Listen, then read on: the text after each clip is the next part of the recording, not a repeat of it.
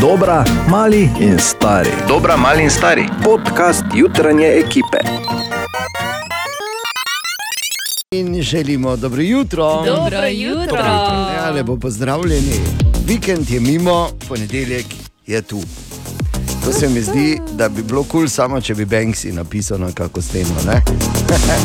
Drugače pa moram reči, da to moram najprej danes zjutraj povedati, da sem ugotovil, veš, nekatere stvari, na nekatere stvari je človek pač navajen in se ti zdi, da pač. Mogoče celo je malo odveč, mogoče ne delujejo več, mogoče ne vem. Ampak sem ugotovil, da so uh, šale na Borova leta nekaj, kar nikoli ne postane staro v katerem koli okolju. Ker uh, sem poslušal, uh, v domačem okolju sem testiral, da se mama in žena pogovarjali o afaziji. To je v bistvu nezmožno, nezmožnost govora ob ohranjenem dojemanju in razumevanju. Pa sem jaz tako šel mimo, pa sem rekel, ah, to ima Bor vsako jutro. I killed it. Dobro jutro. Še enkrat dobro jutro, dobrodošli. Dobro jutro. E, ko sem jaz danes zjutraj malo listal, sem pa tja, sem naletel na nekaj in si rekel, oh, ne morem verjeti, kako pa čas leti.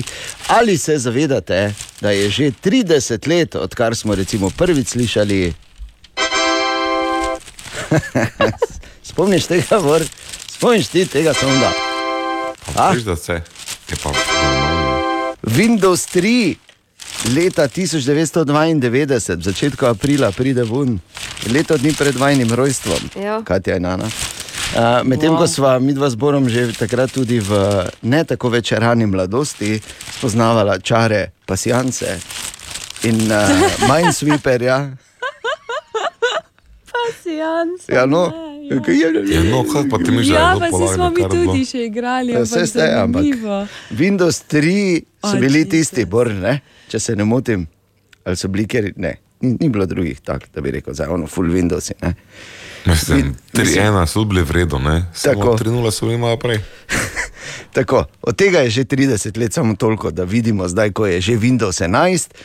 In ko smo tako napredovali v vseh teh letih, da si celo jaz lahko sam uh, kaj naložim, upgradam, ne samo softversko, celo hardversko. Na tem mestu bi se zahvalil kolegi Boru. Kolegi Boru. Tako, Seveda, kot se reče. Danes zjutraj, ob tem, da želimo dobro jutro. Dobro jutro. Dobro jutro. Ja, a, je tudi en prav poseben dan, 11. april, oziroma danes je svetovni dan hišnih ljubljenčkov, in zato smo na naših družbenih omrežjih odprli uh, možnost, da tudi ti čestitaš svoji ali svojemu, da nam uh, pošleš fotko, da pokažeš, kaj imaš doma. In ne, prosim, ne slikati svojih partnerjev, prosim. To je Aja, joj. Najstarejši vic v zgodovini je to. Tako da uh, vsi lahko uh, damo kaj gor. Uh, Razen Bora, Bor nima nobenih hišnih ljudi, ki ne štejejo, ki jih sparka preneseš, Bor. Ana bo dala Če gor. jih natreniraš, da skačejo v Ne, višino, ne, Ja, bolj- ne. ne. Ana bo dala gor verjetno najdebelejšega mačka v zgodovini, Ja, je že gor. ki ima primerno ime Rambo. Tyson. A ne, Tyson je. Mogoče je biti Rambo Rambo. veš, samo. Ne, odzove se pa itak na nič, se ne Ker je more. pač maček. Ker če bi bil, ampak eh, naj samo povem, če bi bil Tyson taki, ne, bi lahko mogoče boksal samo na Sumo Xboxu. pa Na Xboxu, pa če za sumo, vprašanje. Rekli Japonci, a a. Tako da Ne, no. vsak ima uh, kaj za gorda, tako da prosim, če imamo hišne ljubljenčke, uh, danes je svetovni dan, pa na naših družbenih omrežjih uh, objavi, pokaži, kaj imaš, čestitaj temu, kar imaš, in, uh, in gremo dalje. Čas, da tudi danes zjutraj osmislimo to čakanje in nestrpno trkanje po lesu, kdaj bo že ta ponedeljek, cel vikend. Tu je horoskop za ta teden. Dobro jutro. Jutro. Dobro O. jutro. Oven. Za vami je težko obdobje, polno frustracij. Sicer bo le to še vedno nekoliko vplivalo na vas, vendar se teža in pritisk počasi zmanjšujeta. Pustite si sanjati in navdih pa poiščite znotraj sebe. Big, velike spremembe se vam obetajo, tako v zasebnem, kot tudi na kariernem področju. Zaupajte v to, da vam prinašajo le pozitivne posledice. Dvojčka, veliko se vam dogaja, boste pa ta teden pričeli malo bolj počasi, vedno manj preprek in ovir boste čutili na svoji poti. Umirili boste tudi svoje bojno razpoloženje, bolj se boste osredotočili na se. Rak, pred vami je zanimiv teden, poln novih spoznanj. V vaše življenje bo stopila nova oseba, ki vas zagotovo ne bo pustila ravnodušnih. Ta teden dodatno pozornost posvetite svojim financam. Lev, prihaja vaš čas, čas, ko vam bodo ljudje okrog vas vse bolj dajali kraljevi občutek, ki ga tako nujno potrebujete. Pazite le na stvari, ki se zdijo prelepe, da bi bile resnične. Zaupajte svoji intuiciji. Devica, obeta se vam neka nova energija, morda celo nova ljubezen, ki zna zelo dobro vplivati na vaše delo in razpoloženje. Vendar vseeno pazite in ne gledajte na vse skozi rožnata očala. Tehtnica, ta teden se boste počutili predvsem zelo dobro in izpopolnjeno. Čaka vas novo sodelovanje, prisluhnite, tudi vas lahko včasih popolnoma naključna oseba nauči nekaj čisto novega. Težko verjetno. Pa poslušal. Škorpion, oddahnili si boste, prepiri in nerazumevanja doma se bodo končno umirila. Bo pa ta teden na preizkušnji predvsem vaša disciplina. Strelec, ta teden bo namenjen predvsem javnemu življenju in karieri. Praktično boste pristopali k problemom. Nikakor pa ne smete pozabiti, da je ta teden tudi idealen čas za umirjanje. Kozorog, v začetku tega tedna boste čutili več obremenjenosti, pojavijo se lahko tudi dolo določeni strahovi, ki so povezani s premembami. Boste pa sredi tedna te strahove spremenili v praktično razmišljanje, imeli boste ogromno podpore. Vodnar, preko drugih oseb boste čutili pozitivno energijo, ki bo tudi vas porivala naprej. Občasno se vam bo zdelo, da je vsega preveč, vendar bo to ta teden blagodejno vplivalo na vas. In pa ribi, največ navdiha, kreativnosti in sočutja ste v tem času deležni tisti, ki ste rojeni v znamenju ribe. V tem tednu se bo tudi v vas prav zares začela prebujati pomlad. A kaj bo te? Zadnji sem pa je, pa še mhm, nič ne Pa vidim. še zaspan boš, ker si pomlad prvi in prebudila. najboljši. Ja, ali pa veš, je pač tako star, da pač vseeno tista Adjeva daleč je za naj v pomlad. Ne? A, ok. Ampak glebor, prebudila se bo v tebi. Ja, ja. Ja, ja. Ok, to je torej horoskop za ta teden, zdaj smo rešeni, zdaj vemo. No, zdaj pa o enem si moraš misliti momentu. Poznamo ta efekt? Si, ja, si moraš misliti. Prevečkrat. rečemo temu v našem mestu. Svet, pa si moraš misliti, da je to tako, pa si moraš ti misliti to, si moraš misliti. Ne?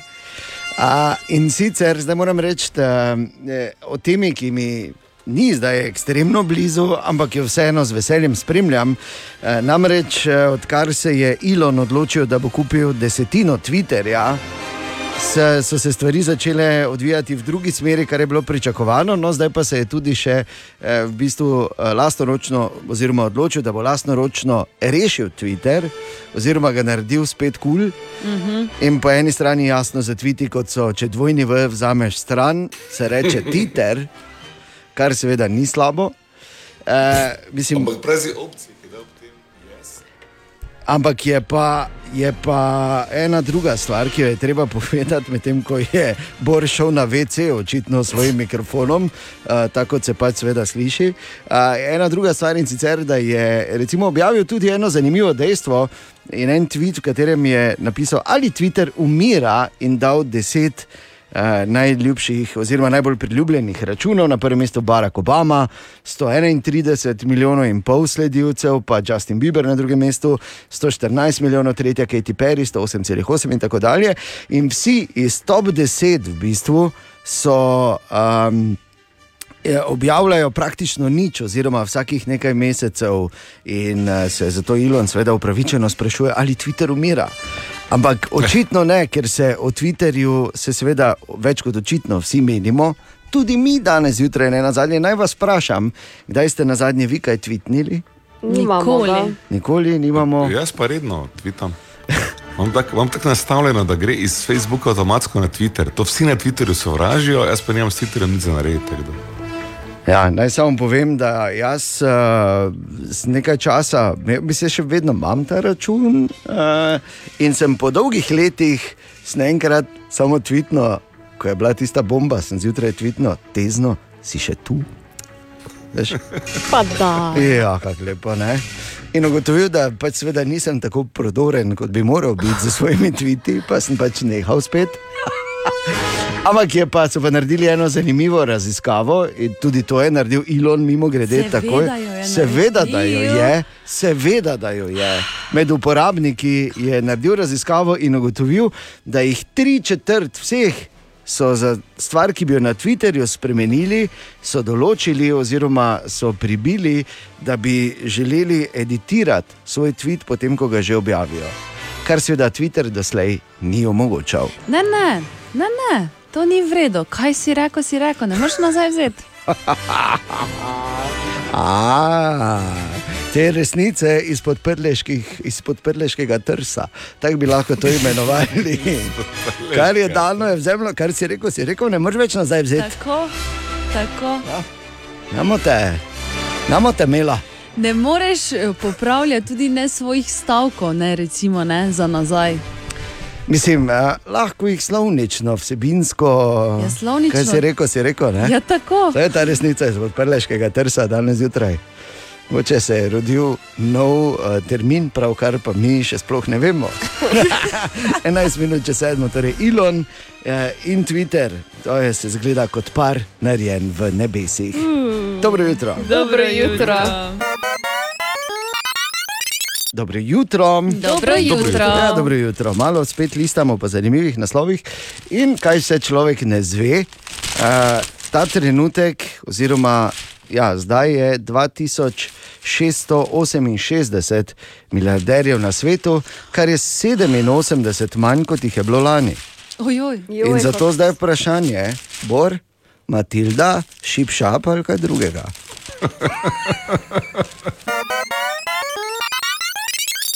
Ljudje, ali se vi zavedate, kaj ste včeraj doživeli? Uh, Zagotovo Ne. nič v zvezi s to podlago. Okay. Ne gre toliko za osebno doživetje, kolikor da je bila včeraj 110. obletnica, odkar je iz Southamptona izplul Titanik. O, In vemo, kako se je končalo pet dni kasneje. Ampak ena druga stvar. Sveda, ko rečeš Titanik, ne moreš mimo tega legendarnega filma. Uh, in uh, se spole razmišljal, ali, dobro, zdaj verjetno Katja in Ana sta premladi, da bi, recimo, ker film je prišel 97, ko sta vedve bili štiri, štiri, štiri leta, da bi se spomnili, kje in eh, kako in s kom sta doživeli ta film prvič uh, uh, v 90-ih, ko je Vem prišel. To moram vprašati, recimo, Bora. Ne? Bor, ti se spomniš? Uh, pardon, misliš, s kom sem bil na ladji ali s kom sem gledal film? Ne, ta vprašanja še pridejo. Najprej se v filmu menimo. Ja, nisem sam gledal, ne, ker taki film se ne gleda sam. Ne, kje si ga gledal, ne s kom, ne rabiš povedati. Kinu. Spomniš si? Ja, kje, kje naj bi? ja. kino. Uh, jaz ti kar povem, ne, ne, da je bilo v kino gledališče in Je mislim, bilo, da je ne? bila takrat že City kino premjera. razumljeno, ja. Tako. In uh, naj samo povem, da moja izkušnja s Titanikom je pa taka, da smo le nekaj dni kasneje, to triurno sago, ste, katere konec smo vedeli vsi naprej, uh -huh. pa vseeno hodili gledati. Uh -huh. Šla z cenjenim kolegom, sodelavcem, še dan danes ne bi ga imenoval, še enkrat gledati na trde stole. Kina Union z nekimi muzikami. Z muzikami. Ja, no, tako se gre. Ne? Ja, ne pozabi, jaz sem takrat bil star 22, ne? Je ja, malo ja, drugače. ja, Ja, okej, kar, ja. aha, ne pa zdaj stari det. Apropo stari det, dve vprašanji imam za tebe, Bor. Kaj je bilo res tako težko razumeti ženske in otroci? Samo ženske in otroci. Pa dobro. Ne? Drugega vprašanja niti postavo raje več ne bom. No, ampak eh, mogoče smo pa zdaj dali idejo, kaj si zvečer dati gor in spet eh, potem pozno v noč razglabljati, ali je bilo dovolj placa na tistem lesu, da bi ga debelinka lahko gor potegnila. O, Tine! Dobro jutro, Tine, Dobro jutro. zdravo. Dobro jutro. jutro, Dobro jutro. Tine. Ja, zdravo. Ni bil ravno vikend ne, za uh, Beli Rajderse. Ne, Tako. ni bil. Samo da smo si, ne, Bor, prosim, sploh ne začni. Ne Sploh, bom, ampak prosim. mislim, da se podrazumeva, da take vrste društva, ki vključuje kolesarje, kot smo mi, ne vozi, ko je deževno. in To pa je res. Ja. Mislim, Ja, no, pač. Mi rabimo neke pogoje. Ne? Ja. Se Ker, če bi mi dobili to gnara kot roglič, ne da bi si ga zas, ne zaslužili, ali pa pogačar, ne, Bi tudi v hladnem Jaz bi cel vikend bil v Uni. Proti vetru. Ne? Vuni bi bil, razumeš, prav vuni. Ko, ker eno je, da se greš pelati, drugo je, ko rečeš, da pa grem vun, veš. Je pa Okej. okay. drugo težavo, mislim, težavo, pod narekovaj ugotovil, ne, kaj mi bo eh, še skrajšalo vožnje, Ja, ko si mogo. In to, to ti teden prvič videl. Nisi še? Ja, nisem še. Ja, prosti. ja, ja. Naj, naj samo povem, da jaz sem izkoristil tisto prvo deževje po dolgem času. gnojil. Tako in sem vrgel, Ja. veš, smo dal, kot jaz rečem, zelenice. gnojili. Sem Jaz rekel, smo dal, kot se reče, grohara. Veš? Kruhara. Ja. Vsi, ki če razumete, razumete, če ne, ne gremo dalje. Gremo In dalje. zdaj je trava naredila bo. Tak, to smo te reči. samo. Da boš lahko kosil, ne? Ja, Ne bom rabo. pol pa A ja, sprogra, sprogramira ajoj. kosilnico, pa Ja, no, tako, se čuha boriti, Eno pa pa gledal. samo dela, samo čujem, kako dela. Ko gre mimo, se king, king, king. To še najboljše, da grohara vržem, pa sem lahko tak vsak dan nud. Ni več nikoli velik Mislim, drajzer. moram razložiti za tiste dva, ki niste razumeli. Ne. Ne, ne smeš. Ne smeš. Ne, ne. Ne. Prepovedano imaš. Ti ne, kaj Danes imaš? je uh, svetovni dan hišnih ljubljenčkov Tako. in uh, ena zanimivost. Uh. Ste vedeli, da je Doberman edina pasma, ki je dobila ime po človeku? Res? Kak?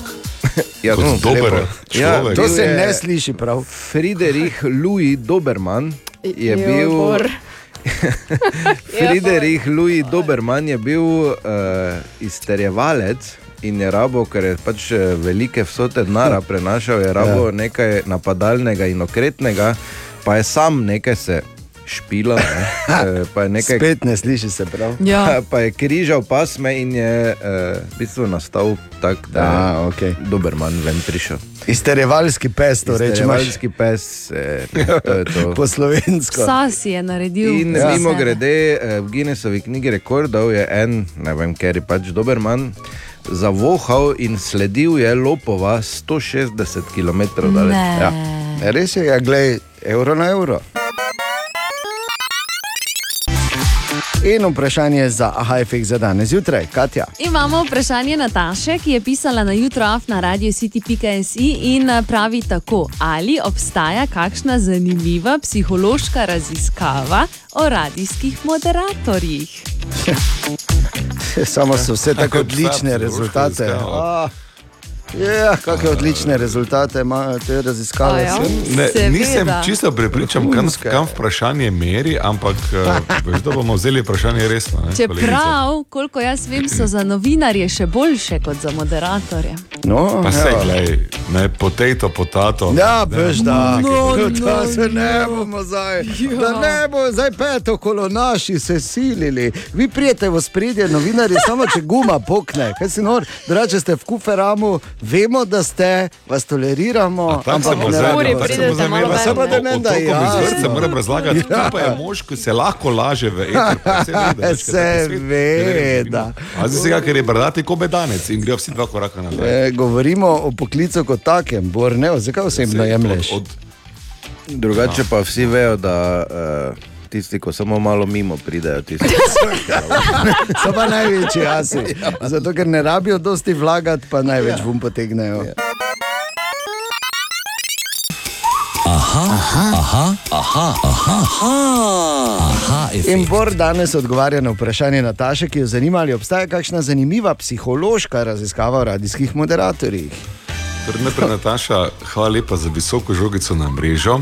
Ampak tisti, ki me poznate, veste, da ne bom poklopil te žoge, ampak raje povedal nekaj, da raziskava strani nemških strokovnjakov za radijski trg, opravljena leta 2016, je ugotovila, da všečnost radijske postaje je zelo povezana z moderatorji. Zato seveda jim dam velike aplauze, da so uspeli to okoli radia ugotoviti. Bi pa rekel, da ja, bi pa, res bravo. Ne? Bi pa rekel, da je to, kar je bolj zanimivo znotraj te raziskave, da je potrdila raziskavo iz 1956. leta, za tiste, ki radi iščete Horton in Vol, kjer pa piše, da poslušalci radijske postaje čez čas ugotovijo, da njihov odnos do radijskega moderatorja je zelo prijateljski, do te mere, da se ne razlikuje več med realnim prijateljem in prijateljem na radiju. Kar pomeni, da ga ljudje, recimo, dejano, vzamemo kot primer, ne, to je težko. Mene, recimo, Slab ne, primer. da- Ti si ja, pa slab primer, novinar. ne. Ne, pa, Še slabši primer. Vse to prilikuje, najslabši ne. primer. Ejo. Torej, Hvala ne lepa vsem. kozlov, razumeš? Pazi, pazi, ta raziskava je zanimiva na koncu. Hvala lepa vsem, ki me imate za prijatelje, čeprav se nikoli nismo srečali. Veš, kaj si ti? Ti si Olimpija v tej zgodbi. Ejo, pa to. Ampak brez heca, če samo uh, zaključimo z nečim uh, malo bolj konkretnim, kot je bilo pač to neko. Imamo Površinsko. da. Ne, ja, dejansko, dejansko je raziskava, ki uh, potrjuje, da je poklic radijskega moderatorja visoko na lestvici poklicev, v kateri delajo sociopati. Da, slabe si štiri mogel minute to zavem smo. potegniti. Pa tako sem na vse kriplje. da Zdaj bi prikril. moral ti reči, aha, viš, pri nas novinarjih je pa povsem drugače. Samo ne, pa veš zakaj, ne. ker si novinar in se nisi na Točno to to. spomnil. Točno to bo. Prebravi, pri, pri, pripravi si novice, ti to lahko bereš, veš, ti zelo bereš. Ali tudi vi pogosto totavate v temi? Aha, efekt, da boste vedeli več. Ja, dobro, da me je nekdo ostava, to niti športno, ni pa kaj si ti. Želimo dobro jutro. Dobro jutro. No, in če se povrnemo malo k aha efektu, ki je bil pred približno desetimi minutami, ker smo še enkrat uh, po, pokazali, kako so v radijskem smislu moderatorji bolj kul cool kot novinari. Mm -hmm. Zdaj še v teh novicah je, recimo, je bil še en primer, ker recimo mi moderatorji vemo, mislim, ali, drugače moram reči. Samo geografsko in lingvistično izvan posameznik eh, ve, da se na kon, ne ve, da se na koncu eh, izgovorjava ameriške zvezdne države Utah, H ne izgovori, oziroma je nem. In takih posameznikov je veliko več med novinarji kot pa moderatorji. Ne, saj To je meni da jasno. Veš, kaj ti hočem reči? Ja, res, zdaj kaj ti silo, da ameriško zgovorim to. Juto. Ja, seveda, ti se, Utah. zdaj pa to ful Utah. pomaga, ne, kot ti. Glej, Srečen zdaj? Pa še slabi igravci, tudi Ja, ja, teh je več med ja, ja, novinarji, je. definitivno. Tako da, gledaj, raje nehajmo. Čakaj, klik, stop. Med številnimi zanimivimi naslovi tam zunaj sem danes se naučil tudi, da bo barva poletja 2022, torej prihajajočega poletja, uh -huh. hot pink. Oh, Hot pink. In ko sem to prebral, mi je samo eno prišlo na pamet. Ne, ne tako, zakaj? ne veš, kaj mi. Ja, se ne veš ti, kaj jaz mislim. Jaz vem, da imamo oblečeno. Bor pa modro moči. Jaz sem za, ne, za glavo se držim. Okay. Res. Naj samo povem, da ko sem to prebral, sem mislil, ok, kdorkoli bo že to nosil. Uh, kot se reče, zdaj glede na to, da je včeraj bila cveta nedelja in prihajamo v ta najbolj sveti čas, uh, po pač krščanskem izročilu, Bog ti požegnaj, ne? če ja. bo kdo to nosil, fajn se mej, lepo nosi. Ampak hot pink. To verjetno ni bil vzdevek, ki si ga hotla imeti v srednji šoli, ne? Katja? Se nisem rekel, da ga je imela, samo malo. Ampak teoretiziramo. Pa je šlo. torej vreme. Ne, res si ga ne bi želel. marsikdo Pravim ti, zato pa pravim. In hvala Bogu, da ga nisi imela. Tako, res, hvala Bogu. Sam Um, zdaj bi ti pa pasal, prosti. Daj ne, aj no. Ja, no. Veš, to je novinarji in njihove šale. Ne? Čakaj, grem jaz na slovensko, koliko že? 13. Ne, to sem že jaz preobljubila, Katja, ne rabiš ti, bom jaz zrihtala. Ne, samo povem, naj gre, naj gre v zgodovino, tako Katja kot Ana sta danes zboru obljubili, da ga bodo zlamali. Pride, taki ponedeljek. 11. ne. april, je, če bi si kdo zapisal. mogoče. Joj, joj, joj, Na joj. to temo bi samo rekel, da mi novinarji Ja, smo bomo posneli. vseh najmogočih razmerah. po- po Vsem grožnje, mislim, vsak, vsakodnevno. Ja. Zato res pa je, ne res. greste več od doma, ne? Ti si norma. Še ena, glej, bor, brez Dajmo veze. Dalje. dajmo Okej, dalje, ker ja, tri moderatorji stopinje. vladajo, novinarji so drek. In čas bo, da uh, predamo besedo izvornemu Vipovcu, ta, ki je bil v bistvu tudi kriv, da smo nekomu doživetje večnega derbija omogočili na prav poseben en kamaribor hospitality način v našem petzvezdničnem ljudskem vrtu in seveda, da je tudi sam bil tam med derbijem, med izbranci. Sem bil tam. Pač po rokah so mi nosili, tako ponavadi. bil Tudi znotraj VIP skupnosti morate razumeti en pač zgornji razred. Res je. Kaj je bilo doživetje tekme prvič na tak VIP način, moram vam povedati, da sem bil nekajkrat na tekmi v svojem življenju, ampak tako fajn. Pa še ni bilo nikoli. Zdaj, ko imamo gori svoje lože, Ja. ja. mi, mi ne, potem imamo poslovne sedeže, mi ne, imamo tudi zdolj čago, prej in kasneje. Tako da hrana, pijača, družba, druženje. Skoraj bi si drznil reči, da je bil nogomet vsaj do začetka tekme. Malo v ozadju. Mm. Govoril sem tudi za Natašo Cvijanovič, ki je, vemo, zaslužna za to novo doživetje. Tako je ona strnila prvi taki VIP v Mariboru. Uh, kaj ne rečem, led je prebit, pet zvezdični ljudski vrt je spolnil vsa pričakovanja. Uh, odzivi gostov so potrdili, da so si ljudje želeli to vrstne ponudbe tudi v Mariboru.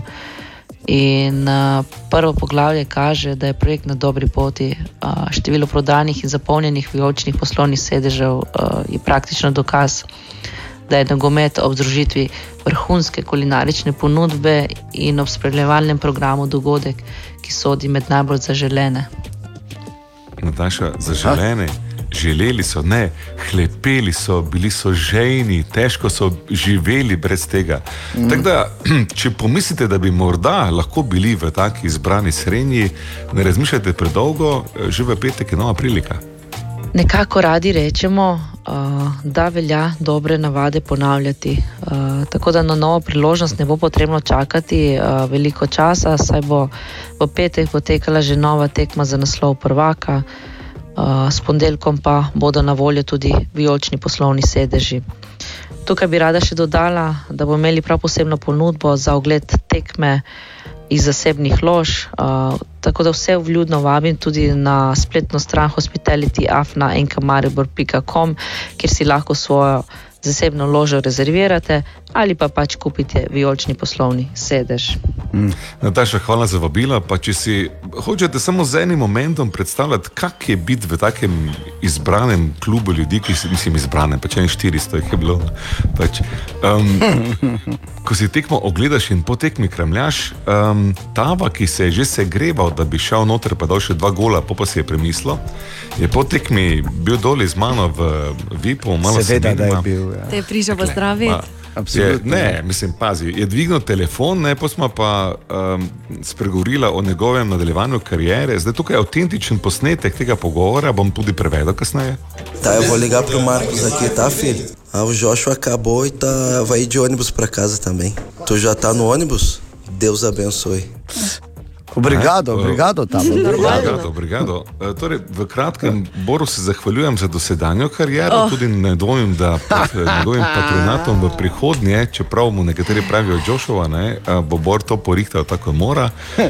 In seveda, tam, kjer je Bor, tam je moj dom oziroma srce. Eto, kratek, Jo. Dobro, da ni rekel, Ja, ker je res je. pot. Ne, Ne, tudi- se- tudi to je s tem Bor. To je v pa za bistvu, Jezusa ne. rezervirano in Jezus. eh, ne, Vemo, je pa tvoj vemo. sošolec. Tako da, ja, super, hvala lepa, Bor, za teh nekaj uh, utrinkov. In če te zanima, bodi si loža, bodi si vijolični poslovni sedež, oziroma popularno VPS, kot temu rečemo v ma- hospitality v našem petzvezdničnem ljudskem vrtu, torej hospitality na enkamaribor.com. Preveri, pa srečno. Želimo dobro jutro. Dobro Dobro jutro. jutro. Danes je torej torek, 12. april in eno vprašanje imam. Ali imamo, ali ved, ve, morda veste, ali imamo v, v našem mestu kako konvencijo oziroma srečanje kaskaderk in kaskaderjev, ali, ne, ali je v mestu cirkus morda. Ne, da bi ne. jaz videla. Ne, ne, tudi, ne, da bi jaz vedel, eno stvar preverjam, bom povedal zakaj. Ali imamo v mestu, ne vem, morda ekipo Jackasa.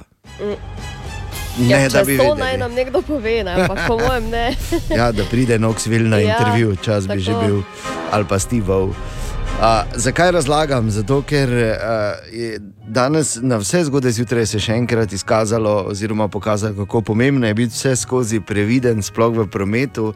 Namreč Krekova ulica v Mariboru je enosmerna, ne? Ja. Ja. dva, dva pasova peljeta v eno smer.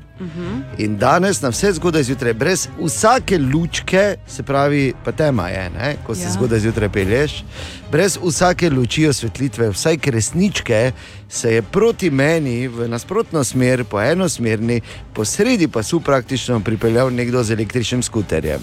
Uh. Brez Uh. vsake lučke. Tako da zelo pogumno, sicer se je dobro končalo, ampak uh, pač svetujem, kdorkoli je ta pogumnež, ne, naj uh, pač neha piti iz te čaše poguma za zajtrk, ker je to samo enostavno neumno. Pa predvsem naj bo to opozorilo, da res. Um, Bodi vse skozi previdna ali previden, ker nikoli ne veš, zunaj je res ogromno butlov, ne morem drugače reči. Še enkrat dobro jutro. Dobro Dobro jutro. jutro. Ja, pozdravljeni. Danes je torej že 12. april. Velikonočni teden, ki se bo zaključil z velikonočnim vikendom, podaljšanim vikendom, kot običajno. In, uh, uh, veliko, ne morem verjeti, po vseh teh letih še vedno v neki debati naletiš na nekoga, ki vpraša, kako letos pride velika noč. Ja. Pa lahko, seveda, samo pač preprosto rečeš, kot običajno. Veliko noči ponedeljek je v ponedeljek, zamisli. Res? Ja, zamisli. Ne, o moj bog. To je ta Odprle- odgovor, ne. Odprla so se mi zdaj neka nova vrata. No, no, no, Nove no, no. dimenzije. Ne se, ne se tako hecati, marsikdo se lahko zmoti. tako Da. Da je velikonočni ponedeljek, Ne. morda na torek. Ne, ne na splošno, da se lahko kdo zmoti, ko kaj reče. ja, to to hočem res, ja, povedati. to da. res. A, Kako se pripravljamo, že doma, že nabiramo jajce, na kup zlagamo, Ja. sušimo lupke čebulne, ne, ali kak že, kaj še moraš, špinačne koreninice vlagamo in. Dobro, ta slednje mogoče nima veze z ničemer, ampak Deteljice nabiramo. Re- A deteljice. Aha, ok. Štumfe stare skupiščemo. Aha, ok. Razumem, ker moraš dati jajco v štumfo, pa gor deteljico, ne, da Tako. potem ostane tako lepi. Da ne ravno glih obcuk mandlov, gor lepiš, kot se reče. To, točno to. lepo, lepo.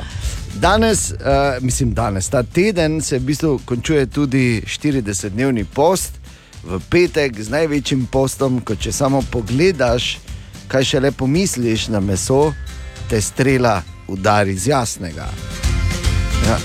Kaj misliš, zakaj je toliko tako zebrastih ljudi, ki hodijo po okoli? Ker jih je strelilo. Ja, seveda, ker jih strela, cek, cek, cek, veš, kako gre. Fa, fa, fa, fa. Da grejo strele na brzino in te, in te oplazi. Tako da 40 dni, odkar si sleko kuren, tabor bo počasi. Dobro, ne? Še lepše bi bilo, če bi te slišali, res. kaj to bi res bilo v Radio smo, radio. Okay. Mor, mor bi moral biti v, v oddaji, ki bi jo morali drugače imenovati, znano je izgubil svoj glas. Ja.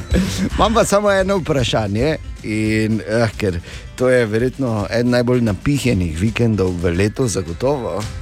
Kdo za vraga si je kadarkoli v zgodovini zmislil, da je treba imeti jajce tu zraven, da je treba jesti jajce?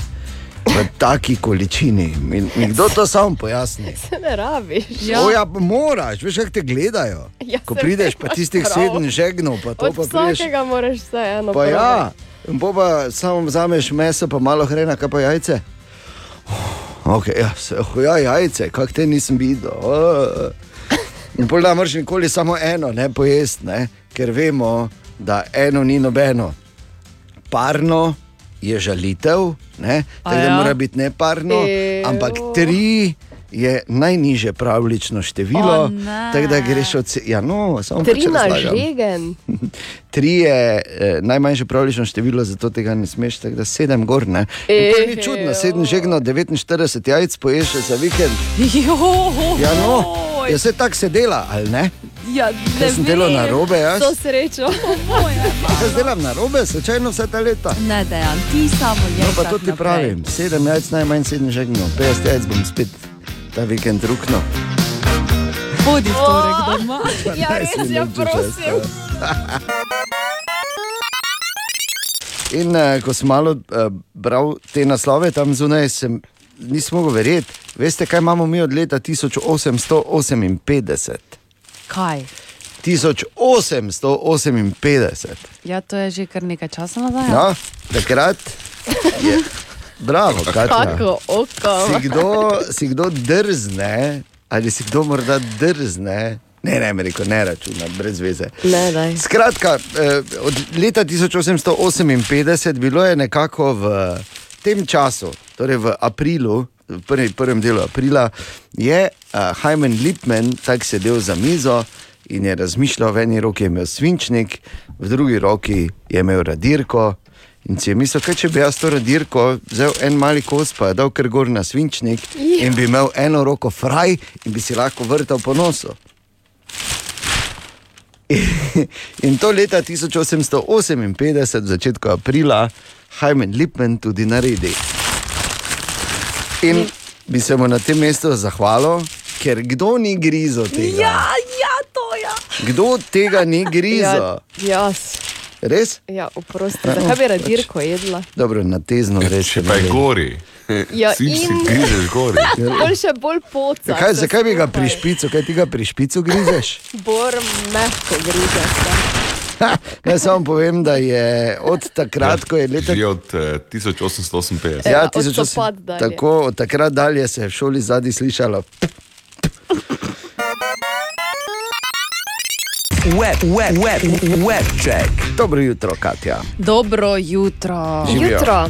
Britney Spears je sporočila veselo vest in sicer, da zaročencem, oziroma ja, zaročencem, ja, pričakuje prvega skupnega otroka. Noro. Pazi, morda ne samo enega, morda celo dva. Ni popolnoma prepričana.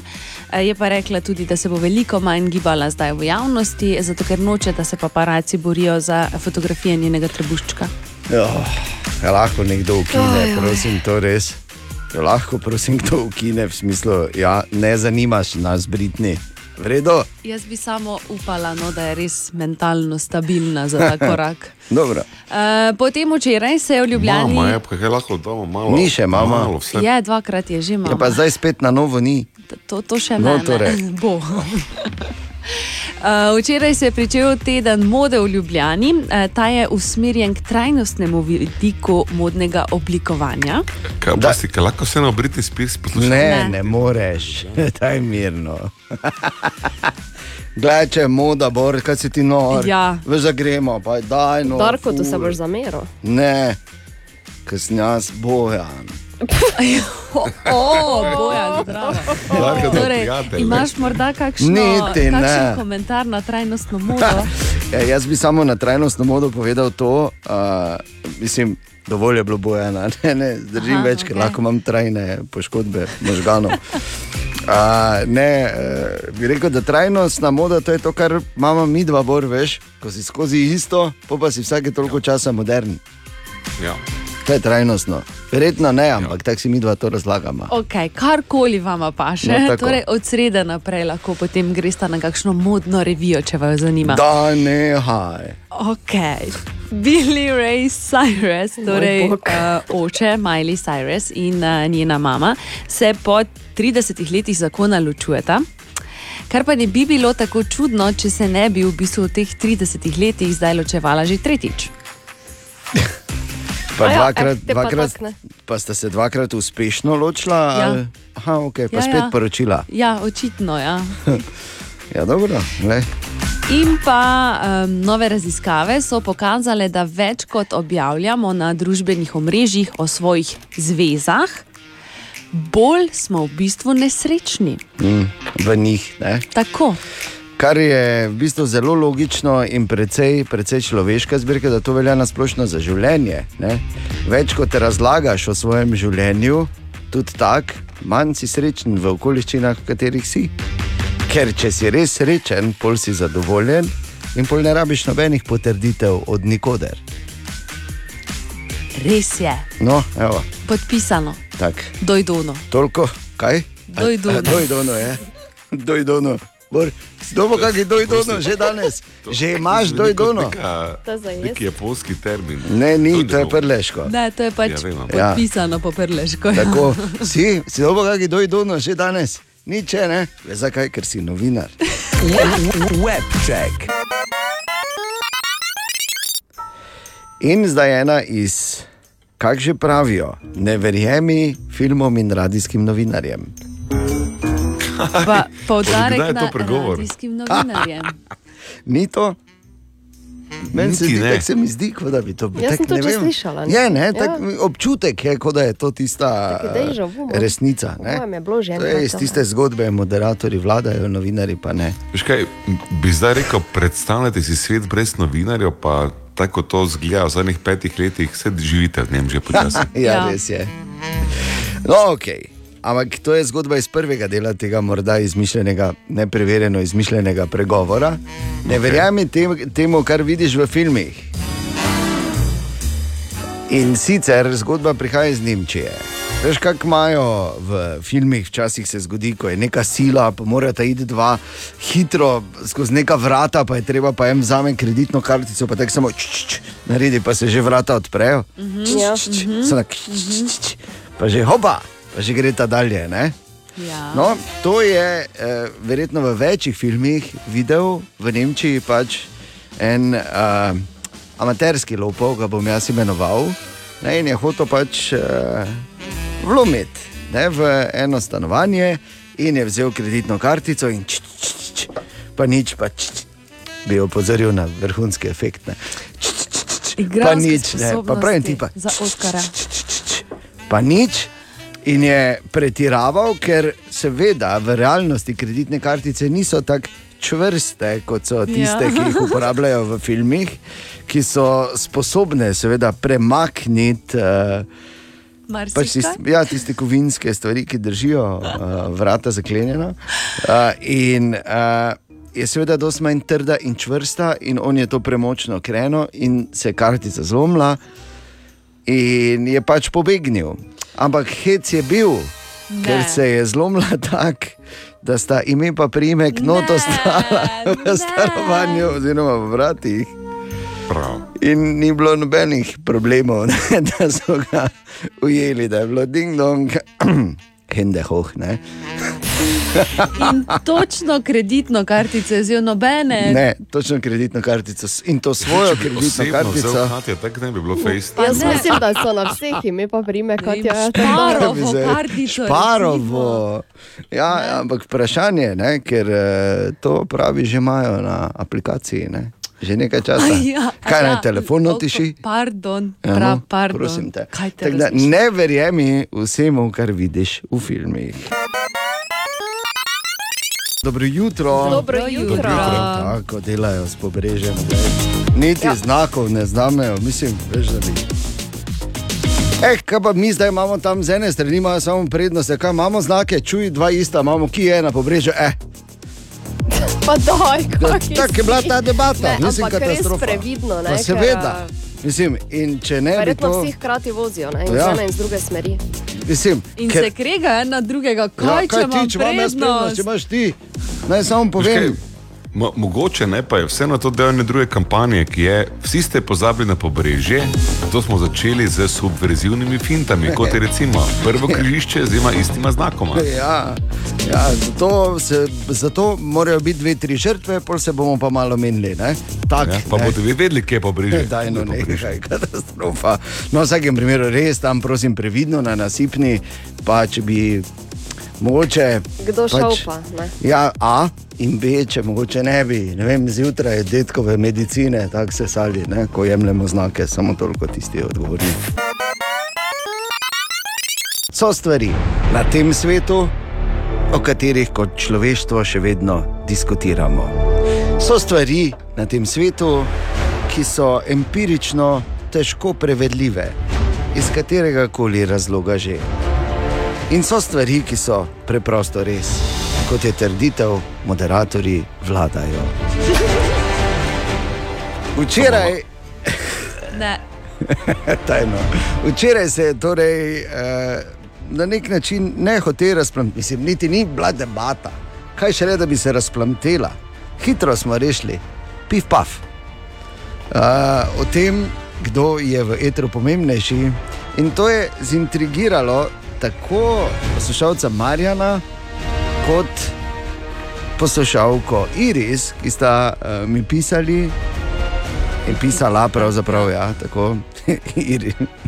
Marjan, Marjan Oprosti, pisali. Marjan. Dva sta bila, pa Ja, lepo, lepo. da, daj, daj, daj, daj. Da ne bom v bogato malho posegel, bor. ne drezaj. Skratka, na temo moderatorji vladajo. In da oba sta napisala, da sta se včeraj čisto preveč zabavala, in če bi lahko še enkrat, mislim, jaz sem to vzel kot, ok, treba je, veš, ko počrtaš, ko rečeš, ok, zdaj to je, vsi se strinjamo, ampak za ziger še potegneš črto od spodaj.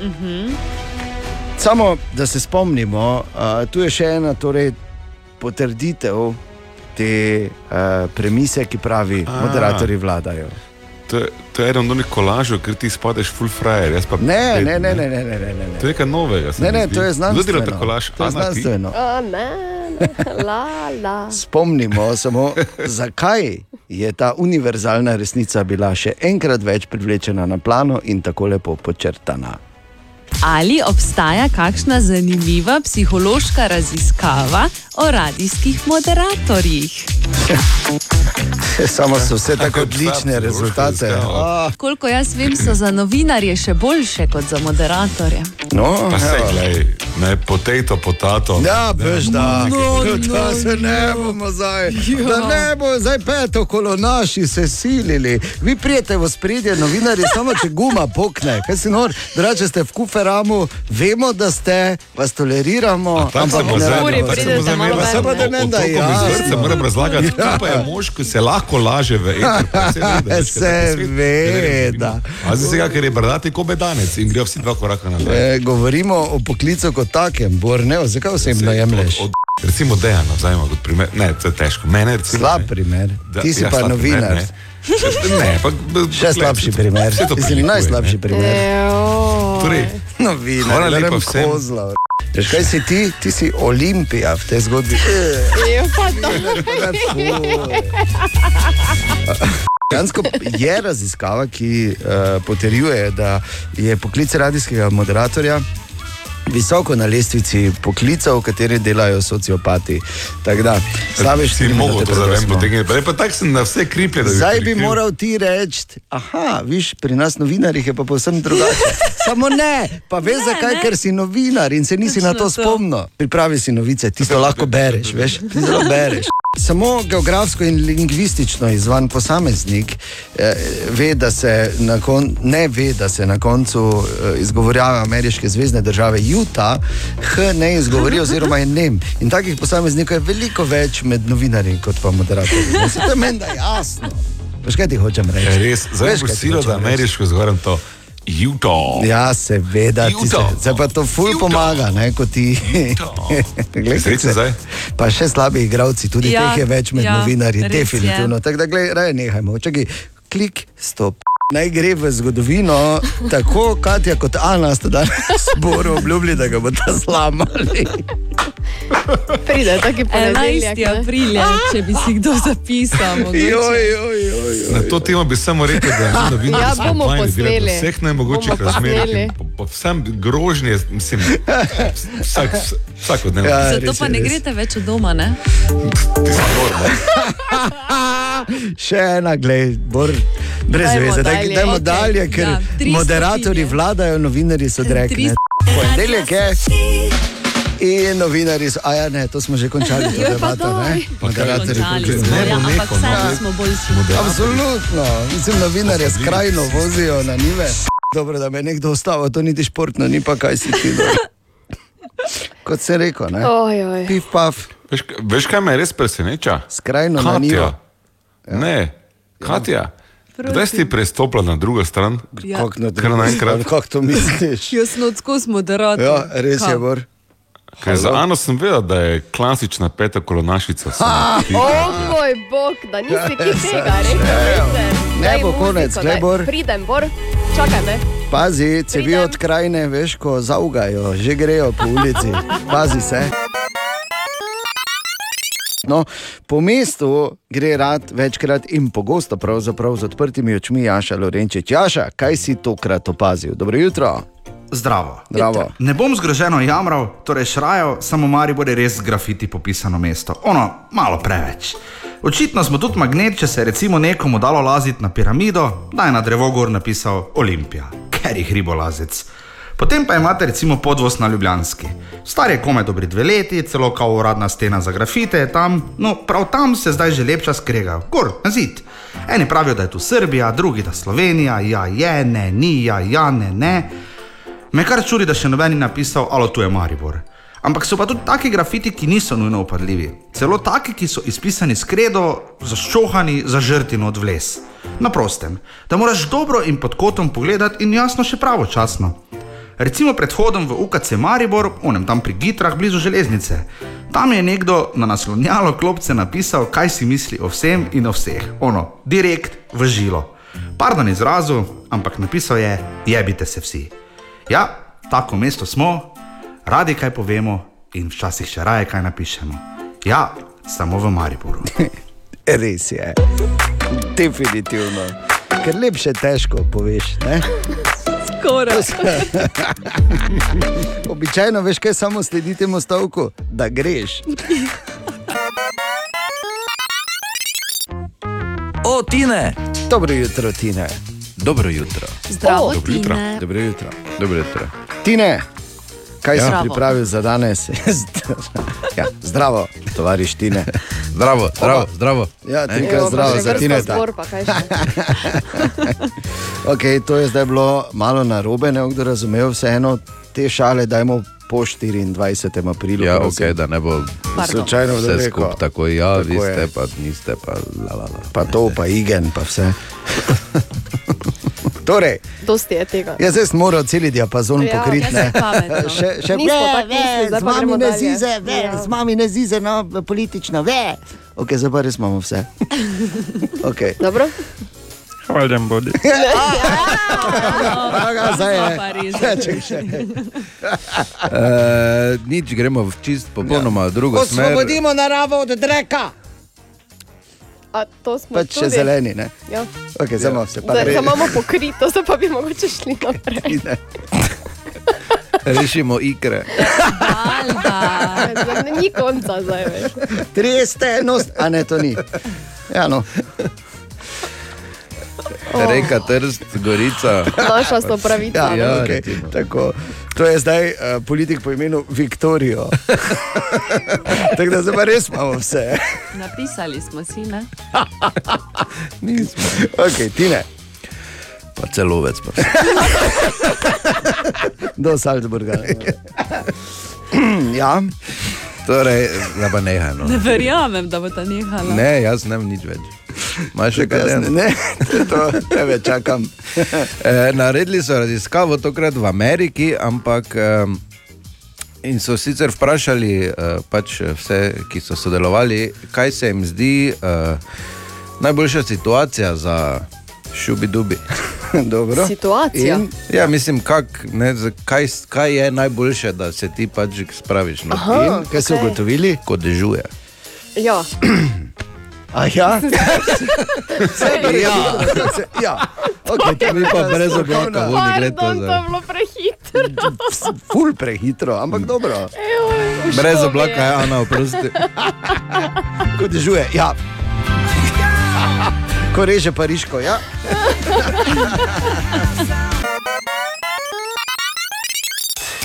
Aha, aha, aha, aha, aha, aha, aha efekt. Embor danes odgovarja na vprašanje Mihajla, ki ga zanima, kako imamo po več tisoč letih, ko je človeštvo preživelo s kruhom, v zadnjem desetletju toliko ljudi, ki so alergični na gluten. Por.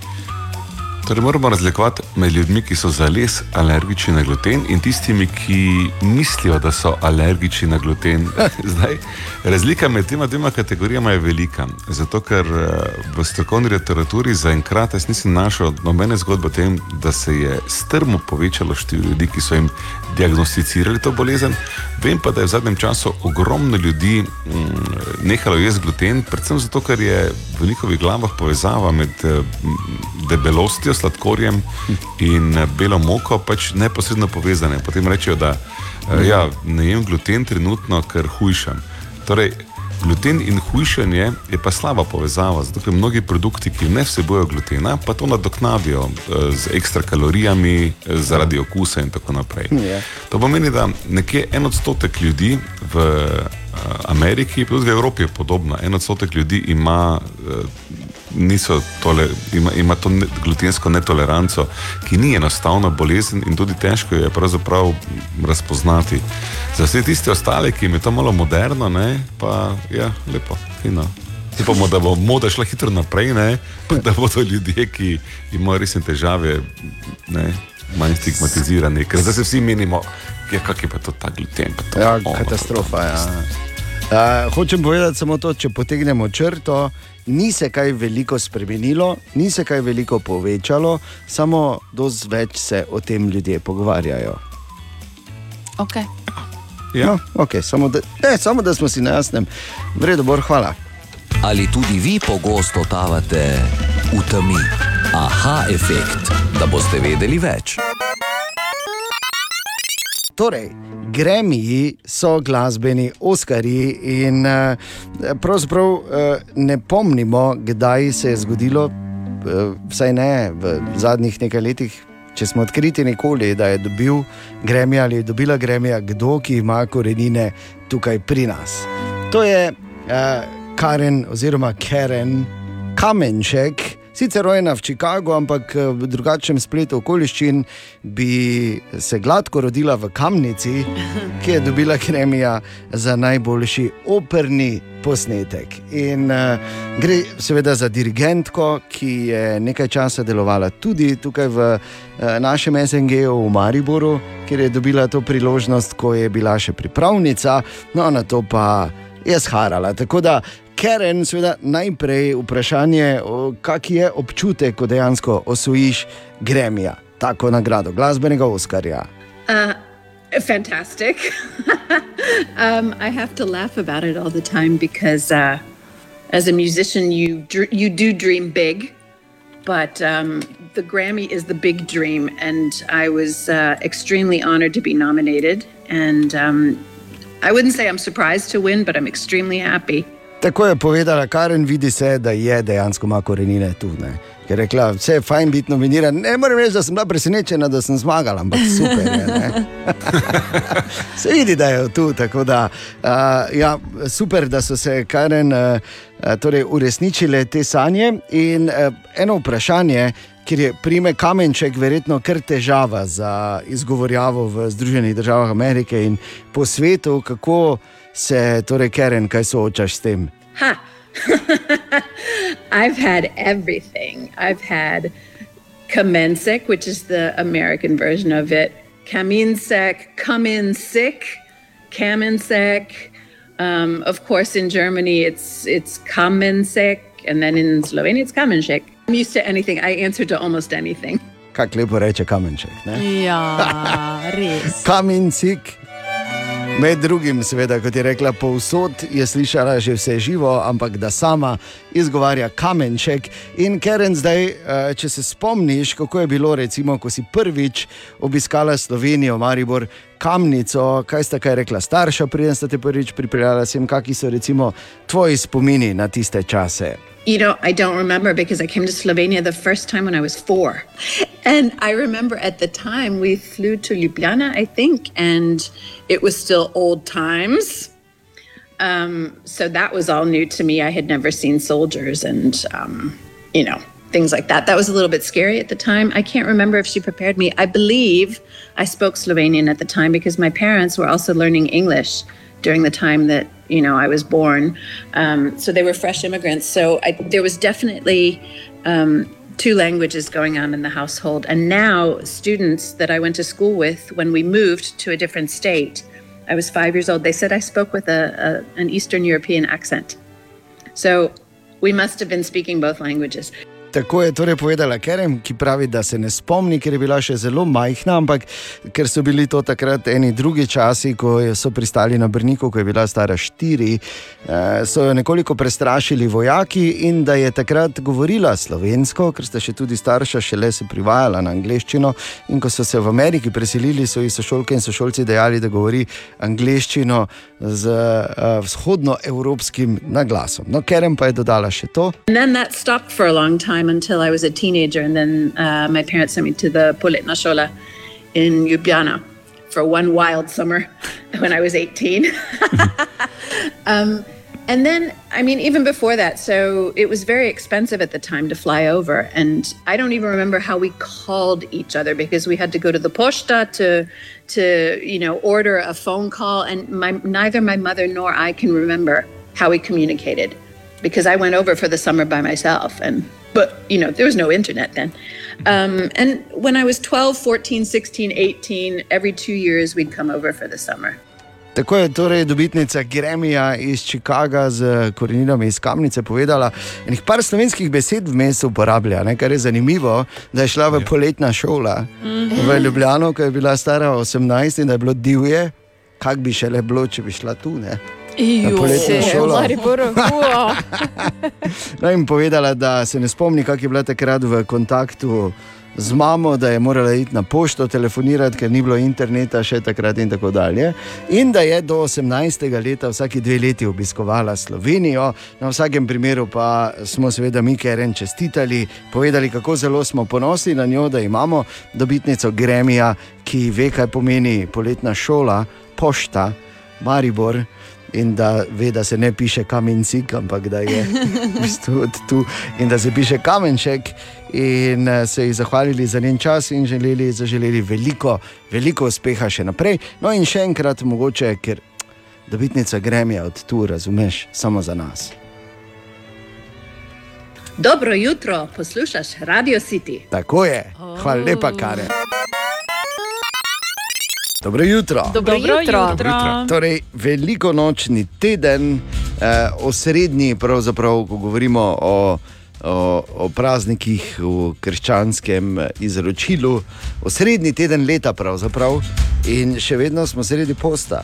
Tako da kam, na pol nagi okoli. Kdo pa vodi samo- nogi? Ne, pač povem, verjetno pač kdo. Ne? In pač se treba zavedati, post je, držati se nazaj, šele v petek o polnoči, oziroma v soboto po polnoči, takoj, ne? v bistvu se odklenejo. Uh, Vrata do mesa. ne. točno. Ja, ampak ne do To je vsakega. dobesedno, dobesedno in pa v prenesenem pomenu. Ja. Da, hvala lepa, uh, Ana, ki pač bogate izkušnje iz tezna pač razlaga tudi danes. A, torej, a, velika noč in tu je zagotovo en predlog za debato, ki jo lahko imaš s sodelavkami in sodelavcami, da eh, sodelavci s sodelavcami. Delavce, meni. Jaz vas dogoš. Uh, in, je, um, in to je debata, katera potica. Katera potica. Če mene vprašaš, Makova je pa res da pač imam to srečo, da mama peče daleč najboljšo orehovo in tudi potratno. Ja, potratna. Mm. Mm, potratna. Mm. Kaj Katja? bi zadala za en kos? Jaz, orehovo. No. Orehova, dobro. Ja, zagotovo. Samo mora biti fajn ruma. Ne? Ne, ne, ne. mm. Pač, Kak- da ni suha, ne? Kak, kak, ne, ne. No, mora biti, eh, ne, da da malo žmaha. Najbolj je meni recimo, pomembno, da je krv polna rozin. A rozine, zanimivo. O, ja. Kako smo si različni? Ja, res je. Zelo, ker sem to jaz ravno reči, uh, samo ne preveč rozin. Vidiš? ena na kvadratni meter. Ena na kvadratni. Ja. Ja, to se zdi kot ravno pravo razmerje. Bor. Ja. Ne, ja, ja. Spravi, ena, to je ena na štiri potice, nekje. tako ne. Ja. Tako. Uh, in kot slišiš, je seveda mnen ogromno, uh, vsak ima svoje, in uh, seveda vsi vemo, da je daleč najboljše to, da je pač makova kvalitetna. Ne?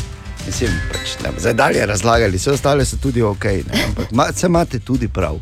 Ne bom nič rekel, samo makova zmaga. Ne, od moje babice v bistvu zmaga dobro. Ne, to pa, to, pa, to pa je treba probati, ker ne vem, če si probala že od moje mame. da Bor lahko potrdi. Ej, kak je bet, Bor lahko potrdi. Ja. Dobro Ja. jutro, Tilka. se dobrega delaš, ne že vnaprej. Bi pa rekel samo to, da, je, eh, da, da pa moram reči, da kljub temu, da rad pojem, sploh ko je velika noč, peko še pa nisem nikoli. In je, ali je v jutranji ekipi kdo ali katera, ki mu ali ji je ratala potica že. Ja. Okay. Če čisto sam, da bi pekel, misliš? Mislim, asistiral sem nekaj, samo sam, da bi pekel. Sam, da bi pekel, ja. A ja, Dobro, ne. peče pečica, ampak. Čisto, čisto sama Čisto či- ja, pa bila. čisto, ja, čisto. Malo pomoči sem Ja, imela. ne, ne, ne šteje. Ne, Kak je samo- malo pomoči, več tvoje ni. To je stara resnica. torej, kot slišiš, debata o potici je lahko dolga, široka in obsežna. Na koncu pa tako, tako se vedno mora zaključiti s tem, da se zmeniš, pa da se prinese, pa da se navskrižno proba. Tako. Ni druge. Tako da vse bo še dovolj časa, ampak zdaj se počasi, eh, zdaj treba začeti počasi orehe tučiti. 13. april, 11 minut, če 6. Dobro jutro. Dobro jutro. Dobro jutro. Dobro jutro najprej. Dobro jutro. Dobro jutro. E, ko sem danes zjutraj prebiral malo naslove, moram reči, da sem se, da sem se tudi zdrznil, ampak tak, za trenutek, tako veš prav. Ker je naslov, kam je zginilo 17 ton riža. Preden sploh nadaljujemo, ne povem grozno in upam, da bodo zlikovca dobili, ta je meni da jasno. Ampak ker imam en projekt in sem včeraj kupil 5 kg riža, to je prvič v življenju, veš. Prisežem, da sem se malo spajtla. zdaj? Ja, in sem kupil 5 kg riža, pa se mi tako bilo, ojoj. Ne vem, je bilo tako, čeprav včasih, Bor bo vedel, smo od debele berte nosili ne, v Emparu. V vedrih. Ja, v Emparih, po domače, oziroma v Ajmerih, eh, smo nosili riž. No, eh, ampak kar hočem povedati, če je ena druga stvar, ko sem kupoval riž, pa tudi ni bilo v redu. Ker eh, glede na vse, kar se je dogajalo in kako so ljudje, veš, vse te osnovne potrebščine na veliko kupovali uh -huh. v zadnjih letih, sem tam bil s temi petimi kilami riža, veš, tako sem jih dal gor na oni trak, pa sem tako stal, sem gledal, pa mi je prav malo nerodno, mi je bilo, veš, tako sem malo dol šla gledal in razmišljal, ali še naj za vsak primer vzamem štiri šteke WC papira. ali ne. Ejo pa da, eh. za, za kompletno sliko. Je. Zdaj pa je ljudje pozor, pozor, ah, tung. Ne, čakaj, da tam biti resni. No? To, je, to je ze- zelo, zelo resna stvar.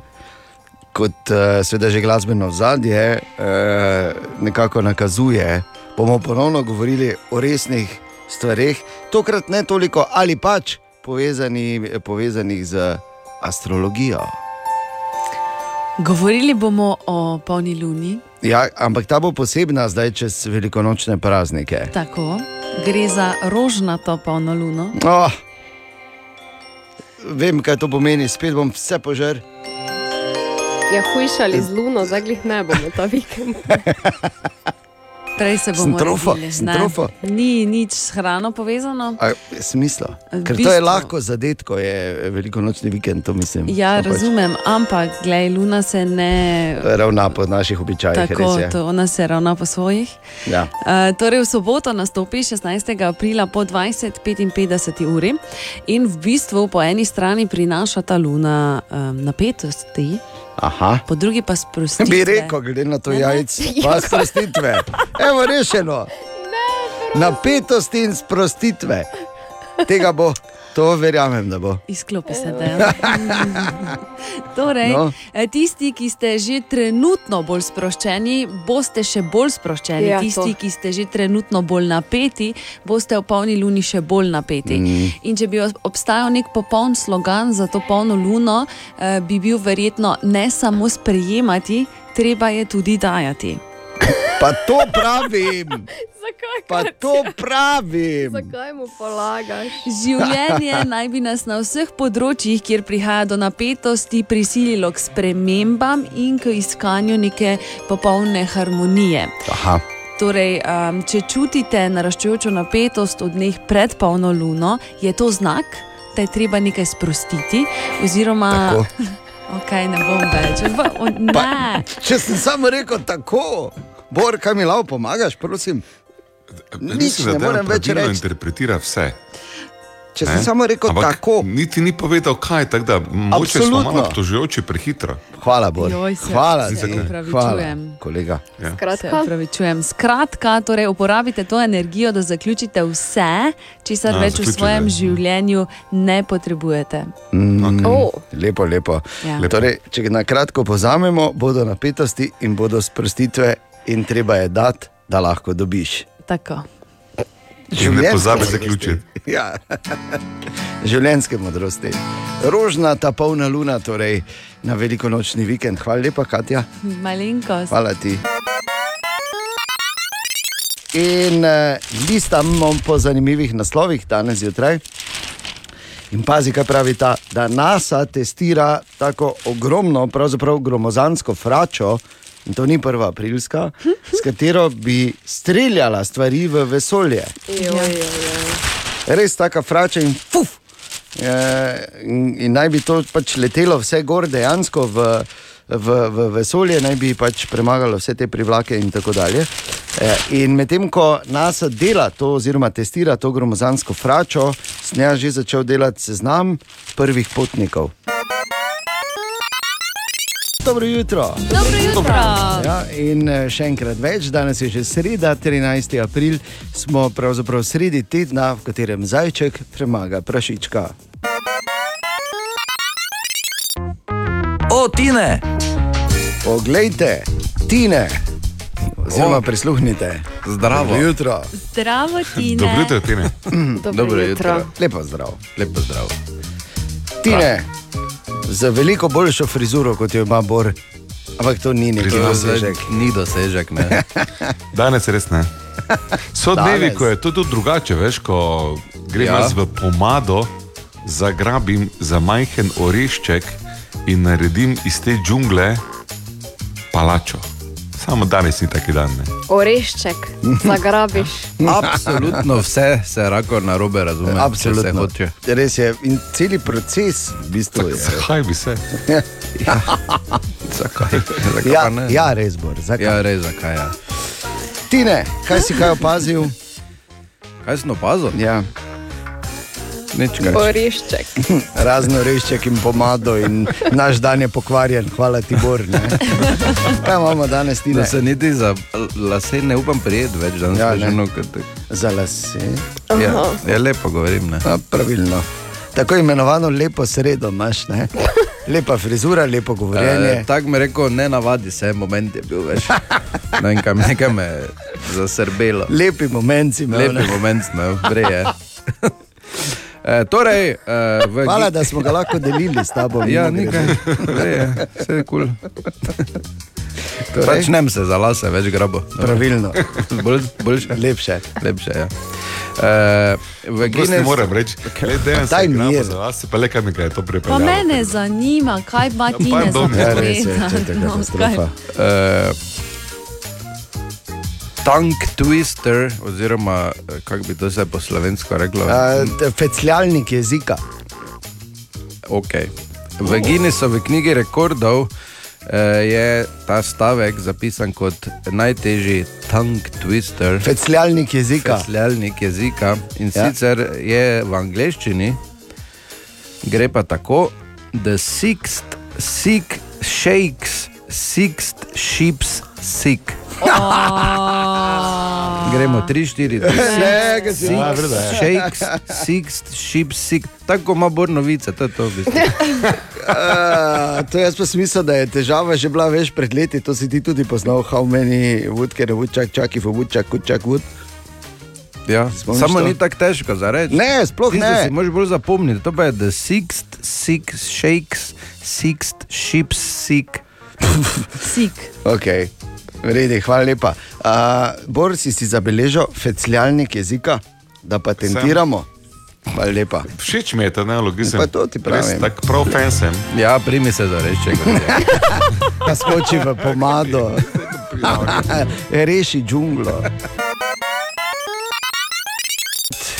Aha, aha, aha, aha, aha, aha, aha efekt. In Bor odgovarja na vprašanje Klare, ki jo zanima, ali je naša ustna higiena enako učinkovita, če si zobe umivamo tudi brez zobne paste. Bor, Le za kratek odgovor, kaj se redko zgodi. Enako. hvala lepa. Ali tudi vi pogosto totavate v temi? Aha efekt, da boste vedeli več. Včeraj je eden naših največjih eh, pisateljev, Drago Jančar, izdal oziroma predstavil svoj nov roman ob nastanku sveta. In tam je bil tudi Bor. Včeraj. Tretji dan, potem ko smo premagali Olimpijo, ni slab dan, še zmeraj lahko slavimo. V Kazinski v Mariboru smo včeraj ploskali tako kot najstniki ploskajo Jordanu Petersonu. Samo da to niso bili najstniki, ampak vsi, od župana Arsenoviča pa do vidno bolne mance košir, ki se je pripeljala z Ljubljane. Tako težo ima Mariborčan Drago Jančar. Ja, moram reči, da sem bil kar nekoliko presenečen ali tudi počaščen, če hočete, če človek pride v svoje mesto, v katerem ne živi več in ga tako pozdravijo, se razveseli, jasno. Tako da imel potem v nadaljevanju kar mal treme zaradi tega. Tako Jančar, ki velja za enega najbolj prepoznavnih slovenskih literatov, predlaga za Nobelovo nagrado iz književnosti, včeraj pa še ovenčan z naslovoma Največji živeči slovenski pisatelj in velikan slovenske literature. Ob tem je seveda nelagodno, če kdo to reče, jaz ne morem preprečiti, ampak zato se nimam. Za, mislim, da je veliko uh, pisateljev v Sloveniji in drugod, ki pišejo imenitne knjige. Zdaj, če kdo tako misli, da spadam v ta krok, ma jaz ne morem reči, molči, ne govori tega. Ne. Pač to spremem, ne morem pa zdaj samega sebe pač tako ne vidim. Ker pač eh, umetnost ni uh, šport, zdaj, kjer, bi, kjer se da uh, dokazati, da si najboljši, najbolje tečeš, najbolje igraš desno krilo na svetu ali kaj takega. To se ne da dokazati. Jaz si s tem ne morem pomagati, jaz moram pisati naslednji tekst in če ga pišem, je to kvečemo obremenitev. Obremenitev, pa tudi odgovornost. Ne? Ja, to absolutno je popolna odgovornost. Ne. Že s to knjigo, to knjigo sem zdaj pisal tri leta, skoraj. Običajno sem, recimo, roman To noč sem jo videl, sem napisal v dveh mesecih ali nekaj takega. Ta se mi je pa zelo vlekla. Mogoče tudi zaradi, tega, uh, kar vi govorite. Ampak zdaj, ker je že ta knjiga že napovedana v celi vrsti jezikov, je seveda potem, ko je to narejeno, obstaja neko zadovoljstvo, da si doma še nekje drugje, ne, ne samo v svojem mestu ali nekdanjem mestu, ali kaj ne rečem, to je še zmeraj moje mesto. Ampak tudi, kaj vem, zdaj sem prišel iz Osla, so predstavljali eno knjigo in se mi zdi, da če je lahko njih nagovorilo nekaj, kar je popolnoma našega, jaz pišem iz naše izkušnje, iz moje izkušnje, iz nobene druge. Ne morem iz neke univerzalne, abstraktne izkušnje pisati. Iz tega malo literature nastane. Liter, prava literatura nastane iz nečesa, kar je človekova izkušnja. In če ta izkušnja da povedati še komu na svetu, kaj, eh, kar ga vznemiri ali mu daje misliti, je to neko zadovoljstvo, bi lahko rekel. Ja. Včeraj je torej bila predstavitev novega romana Draga Jančarja ob nastanku sveta in z dragom je govoril Bor. Ob nastanku sveta. Nova knjiga malo tudi vleče v razmislek o svetovih, v katerih smo zdaj pravzaprav prisiljeni živeti, recimo svete družbenih omrežij. To je res, ampak uh, ta svet, ki ga vi omenjate, je popolnoma fragmentaren. Tega sploh ni mogoče sestaviti. To, je, to so eni špliteri, ki letijo vse čas po zraku in lahko vzameš nekaj, in takoj reagiraš na to in odide. Roman je vseeno nekaj drugega, to je organizem, je postavljena neka celota, skuša biti nekaj takega, kot je eno samo človeško življenje, v katerem bomo videli različne odmeve družbe, eh, osebnih odnosov in tako naprej, ampak je zaključen. To se pravi, kdo bo imel potrpljenje, da to prebere, bo dobil neko drugo sliko sveta. Z temi uh, fragmenti, s flashi, ki jih živimo v socialnih omrežjih. In po mojem, ni mogoče sveta dobro dojeti, lahko ga samo eh, na nek način greš skozi njega in sproti reagiraš na neke stvari. To je pač eh, svet, s katerim moramo živeti. Ampak obstaja še nekaj drugega, to je ta problem, ne? da nekateri živijo samo še v tem svetu. Ne? Kaj pa svet naslednje knjige? O naslednji knjigi ne bi govoril, ker sem praznoveden. In kadarkoli sem govoril prijateljem v nočni uri ali pa pri kakem šanku ali pa kjerkoli o tem, kar pišem, tistega nisem napisal nikoli. Ali pa vsaj ne do konca. Zato o tem, kar pišem, ne govorim. Kakšen smisel pa ima Maribor danes? Skozi oči pisatelja, ki ima Maribor za svojo prestolnico, pa vseeno tudi je v priliki, da na Maribor gleda iz drugih prestolnic. Ja, zdaj pa je občutek, da se nekaj dogaja, da se nekaj premika, da se neki ekonomski premiki dogajajo, da, da, da, da se kulturni premiki dogajajo. Občutek imam, da se, da, da, da se nekaj dogaja. Uh, problem Maribora je to, kar moj prijatelj Patlič vse čas govori, da se več ukvarja z drugimi kot s samim sabo. Ne? Več se ukvarja z Ljubljano kot z samim sabo. To se je že pokazalo pri Evropski prestolnici kulture, ki je niso dovolj sprejeli. Ne? Uh, in Maribor ima fantastične potencijale. Žal je velik del tega potencijala živi v Ljubljani ali pa celo v tujini. Ne? Da ne zna teh ljudi zadržati, to je mogoče škoda. Drago Jančar, prav danes star 74 let. Vse naj. Ja, hvala. Tako za rojstni dan, kot eh, seveda srečno pot eh, novemu romanu ob nastanku sveta. Z veseljem ga bomo prebrali. Za 30, to je pa zdaj za res. Če slučajno veste, kako se knjižno imenuje nekdo, ki izraža zahtevo po čem, navadno po naslovu, nekem, pa po nekem položaju. Hm. Pa je zdaj kar. Recimo, da nekdo želi postati ne vem, predsednik države ali pa ravnatelj ali pa. Aha, torej, da In, kandida- ho, in da hoče biti, kandidira ja, izraža zahtevo, potem ja. Ker jaz bi rekel, tudi, če izraža zahtevo, je lahko zahtevo dajalec, ne? samo to je preveč. To je prelahko. Ja, to, to, ne? Zdaj smo za 30, je pa ena beseda, ker tako močna, moram reči. Zdaj po pici, po pivo, na ven, to gre ne. Ja, ne vem. Mm, Probamo še malo kakšno še kaj probata. Ne, Ja. ne spomnim. Ajde, Um, vam tudi dam prvo črko. Ajde. Na P. Ne, neki pri, pristopnik, samo ni tako. Ne, ne, ne. Ne. Kako, kaj, kaj pa je? Ja, zaključimo. Zdaj zaključimo. ja. zaključimo. 20 evrov je dovolj. 20 Ja, evrov. ne? Ja, Super, dovolj, ja. Za pico pa Za piva pico, nazaj. glihe, Ja, glihe še genau, skozi, ja. To je pa pretendent. Pretendent, ja, tu, tu na. Ne bi ta- se ta spomnil. kar Ja, nikoli ne, nikoli Au, ne. išlo. au, Ok, ampak smo nas za, za, nazaj zaslužili, to je najbolj važno. Ja, to je super, ja. Evo, dan je lepši, že takoj. Hvala vam za igro, pa lep dan še naprej. Ja, hvala. Adijo. Ja, adijo. In je ostalo še najtežje vprašanje, kdo ali kaj je vikont? Aha, z mojim siromašnim znanjem francoščine bi rekel podgrof, ampak je pa res, da um, je to bolj borovo področje, ne?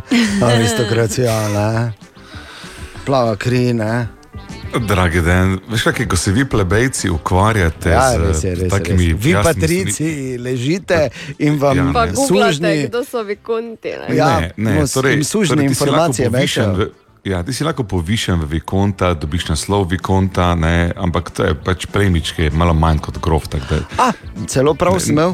ja, si imel prav. Ne, Tomaž? Mislim, ne čudi, ker ne, ne na zadnje imaš velike aspiracije in si se malo pozanimal, ampak dejansko. Ne tako ti. Tako zlahka, to Verjemi, vemo, ne tako ti. Tomaš, potrdi. Vikont je v Franciji plemič za stopnjo nižji od grofa. Ha, podgrof po naše. Ne? Ja, Ja, kar, kar se, kar se svet z- zna zelo hitro, lingvistično spremeniti v podkrof. Ne? Vemo pa, kaj je, pod, kaj je podkrofje. Ne? Kviz brez Google. Oh -oh. In tu je naš priljubljen jutranji segment iz Borove špajze. Bor. Redko v Borovi špajzi imamo gosta, ampak um, kolega danes zjutraj je izrekel tako modri stavek, da sem rekel nič. Danes bomo pa tebe povabili v Borovo špajzo kot gosta in potem seveda pokomentirali tvojo modrost. E, tudi moram povedati, da je redko, da kolega ima tako unikatne modrosti, zato se pač se mi zdi, da bi bila škoda, da bi to priliko spustili. Dame in Ja. gospodje, brez nadaljnega uvajanja in uvoda vam predstavljam Dejana Vedlina Ah. in njegovo današnjo modro misel. Moram povedati. Ja, Oj, zdaj, oj. ne, Aha, okay. moment. ja, pardon, če enkrat napovej, ker mi je bilo všeč. Trenutek, samo malo. Brez oklevanja, drage dame in gospodje, v tem unikatnem trenutku, zgodovinsko neponovljivem momentu, vam predstavljam Dejana Vedlina in njegovo eno modro misel. To, da priznaš, da nič ne veš, je prvi korak k modrosti. Če pa misliš, da si pameten, pa boš celo življenje butl. Ana, Hvala. kaj gremo mi dve? no, pač. Ne, Ne, ne, kar samo uživaj, v, uživaj v bromencu, ampak še bolj. še, še, bolj še bolj pa se zamisli nad izrečenim. To se pa sem, ja. Okej. To, to pa. 14. april želimo dobro jutro. Dobro Dobro jutro. jutro. Dobro jutro. In 14. april je tudi en prav poseben dan. Ne boste verjeli, 14. april je mednarodni dan delfinov. Oh, ja, teh eh, čudovitih morskih sesalcev, um, ki so, mislim, ki, ki še jih jaz nikoli nisem videl v naravi, moram povedati. Ne? In čakam in vsako leto, ko sem na morju, tako gledam zasanjano v dal. ne. Včasih si celo rentam čovn, pa se vozim. Zgodaj zjutraj sam režem. Čakaj, enega delfina nisi še Ne, videl. v naravi ne. Jaz ne, tudi v, ne. v naravi. Naravi. Ne. V naravi, bor. Ne? Drugače, ho sem videl delfinov. Sem bil kdaj malo dlje na poštni zvečer, ko so ritansko šli proti. Ja, ko, so, ko so zaprli dol, pa so šli ritansko delfini gor. Ta, ta, ta, ta, ta, ta, ta.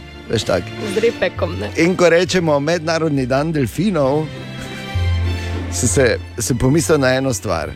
Kaj če bi, ker če je kaj težko iz mojega zornega kota, jasno, pa verjetno še, bom rekel tako, iz našega zornega kota, ko govorimo o jutranji ekipi, ker ne se zdaj delati frajerje, ampak noben ne zna oponašati delfina. To je ena od težjih stvari, ki jo lahko kvalitetno narediš. Ne, ker jaz najbližje, kaj pridem, je kar niti približno ni delfin. Ne? Bor niti probaj nas, prezgodaj. je. Mislim, lahko, samo Ne, pač to ti neki, ne. Ti, ti si, kaj, kaj te si ti? Ranjeni delfin. Ja, ra- si, ja, te- te blub, blub, blub, veš, ko gre dol, ko pada, da postane morski humus. Uh, mimo grede, uh, na naših družbenih omrežjih smo že zapisali, ne, Katja, Seveda smo če zapisali. poznaš koga, ki res zna oponašati delfina, prosi ga, da, ali jo, da se posname, ali pač ti ga ali jo posnami in nam pošli, uh, in bomo z veseljem prisluhnili temu, ali imamo na mednarodni dan delfinov tako imenovane delfinske talente tam zunaj. In uh, ker mi to absolutno ne zmoremo in bomo z veseljem in občudovanjem prisluhnili tistim, ki, ki pač to znajo. Ok, 16 minut če šesto. Hvala lepa vnaprej in dobro jutro. Dobro, Dobro jutro. jutro.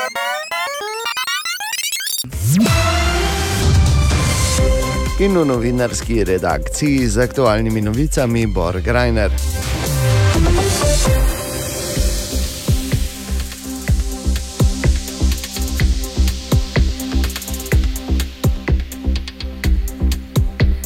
Prisežem, da je tu.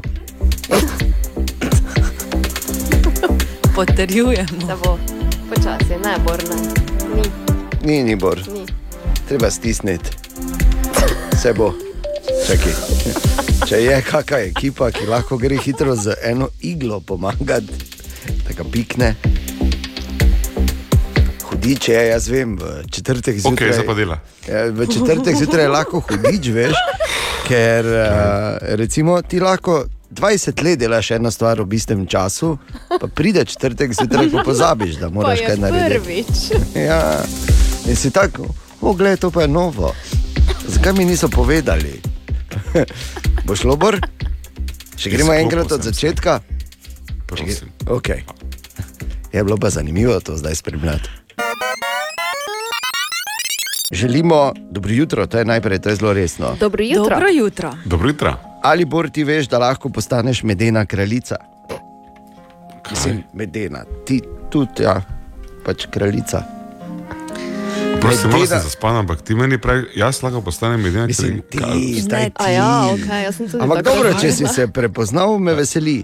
Ne, torej, vsaka lahko postane medena kraljica. Ja, medena kraljica.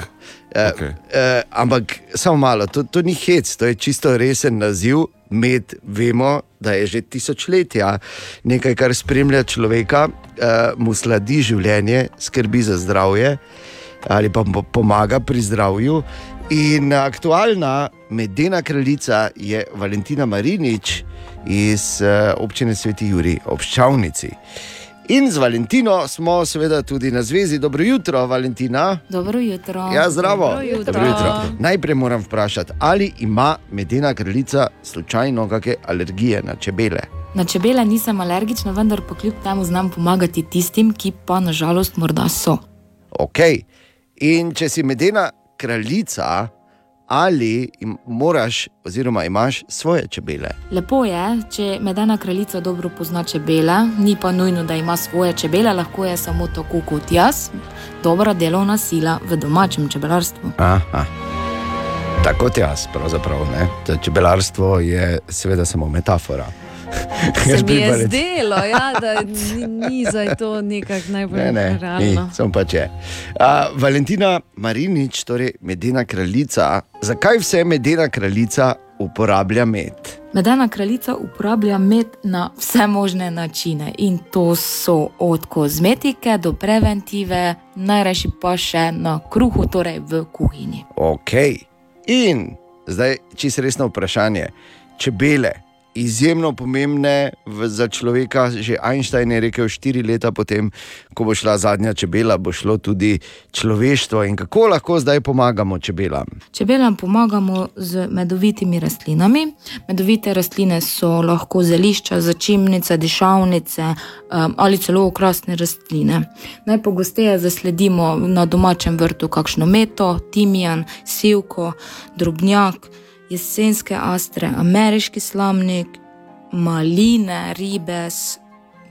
Veliko sadnega drevja, vse vrste drenov, sončnice, na nivah, buče, ajdo in še in še. No, super. Tako da lahko mi fejs pomagamo, uh, medena kraljica Valentina Marinič, zdaj pa čisto za res in bistveno, zakaj se sploh mi tu pogovarjamo. Kako lahko postaneš, če želiš, medena kraljica? Torej, trenutno je zelo aktualen razpis za novo medeno kraljico Slovenije in sicer zadnji dan za prijavo je 30. april, tako da bo potrebno malo pohiteti. Pogoj je seveda znanje o čebelarstvu, čebelah in čebelih pridelkih, znanje vsaj enega svetovnega jezika in izpit B kategorije. Torej, prijavo, ki mora vsebovati osebne podatke, podatke izobrazbe, življenje pismo, motivacijsko pismo, eh, fotografijo ter dokazilo o vozniškem izpitu, je potrebno poslati na naslov Društvo Medena Kraljica Slovenije, Cven 3D, Ljutomer, s pripisom Ne odpiraj. Pričakujem veliko prijav, naj mediji. Več informacij o razpisu lahko zasledite na spletni strani Čebelarske zveze Slovenije pod zavihkom razpisi. Valentina Marinič, Hvala Medina lepa. kraljica. Naj medi nazaj. Tako, to je moj nov, najljubši pozdrav. Naj medi. Danes je 14. april, oziroma tako imenovani Veliki četrtek, in ker eh, se je razplamtela mini vojna in zato bila, eh, bom rekel tako, eh, krščanska srca ranjena v studiu ena, ker ne pretiravam. Ampak samo da vemo. Uh, Bor je imel povsem prav, ko je rekel, da se na veliki četrtek zvečer se konča postni čas in nastopi sveto velikonočno tri dnevje. Ampak kljub temu, da se na četrtek, ki je bil v bistvu dan, ko je Jezus z svojimi apostoli eh, oziroma učenci proslavljal tako imenovano zadnjo večerjo, čeprav je. Uh, Ma bor verjetno več detajlov tudi o tem, kako je Kellner prišel pa vprašal, če vsak posebej plača ali ne, ker so vseeno židje bili. Torej, a, kljub temu, da se danes končuje postni čas, pa to ne pomeni, da se zares post konča. Pač so ta nasprotja, ki jih najdemo v mnogih eh, verovanjih in prepričanjih. To je, ker je namreč post je še posebej izražen na Veliki petek, ki se ne nahaja več v postnem času, da smo si na jasnem, je pa za Veliki Ampak je pa petek. zapovedan strogi post. Absolutno. Ker, in... ker pepelnična sreda, pa ja. Petek, ne? Velikonočni po velikem petek, ja. četrtku, ja. Ja, sta najbolj stroga posta. Bravo, Ampak dejstvo pa je, da se 40-dnevni post, ki itak ni dobeseden. To, mislim, to je. Ne? Či, to je priporočilo. Naj se nekaj zmenimo, tukaj je Ana in um, Katja. Ka- Katja, ki sta Pozabil je, kako ti je ime. Eh, Nisem pozabil si moje ime? Ja, seveda, da je. Res? je. Ana in Katja. Res? Post v krščanstvu Ne, se ne rešuje tako, da ne jemo čokolade, ne? Ja. ampak se rešuje z odpovedovanjem, z duhovnim mm. čiščenjem, Tako. z razmislekom in konde... Evo, ko si dala gor, izvoli. Jaz sem se odpovedala tebe poslušati. Oh, O, to pa je res duhovno očiščenje. To je nekaj. Pardon.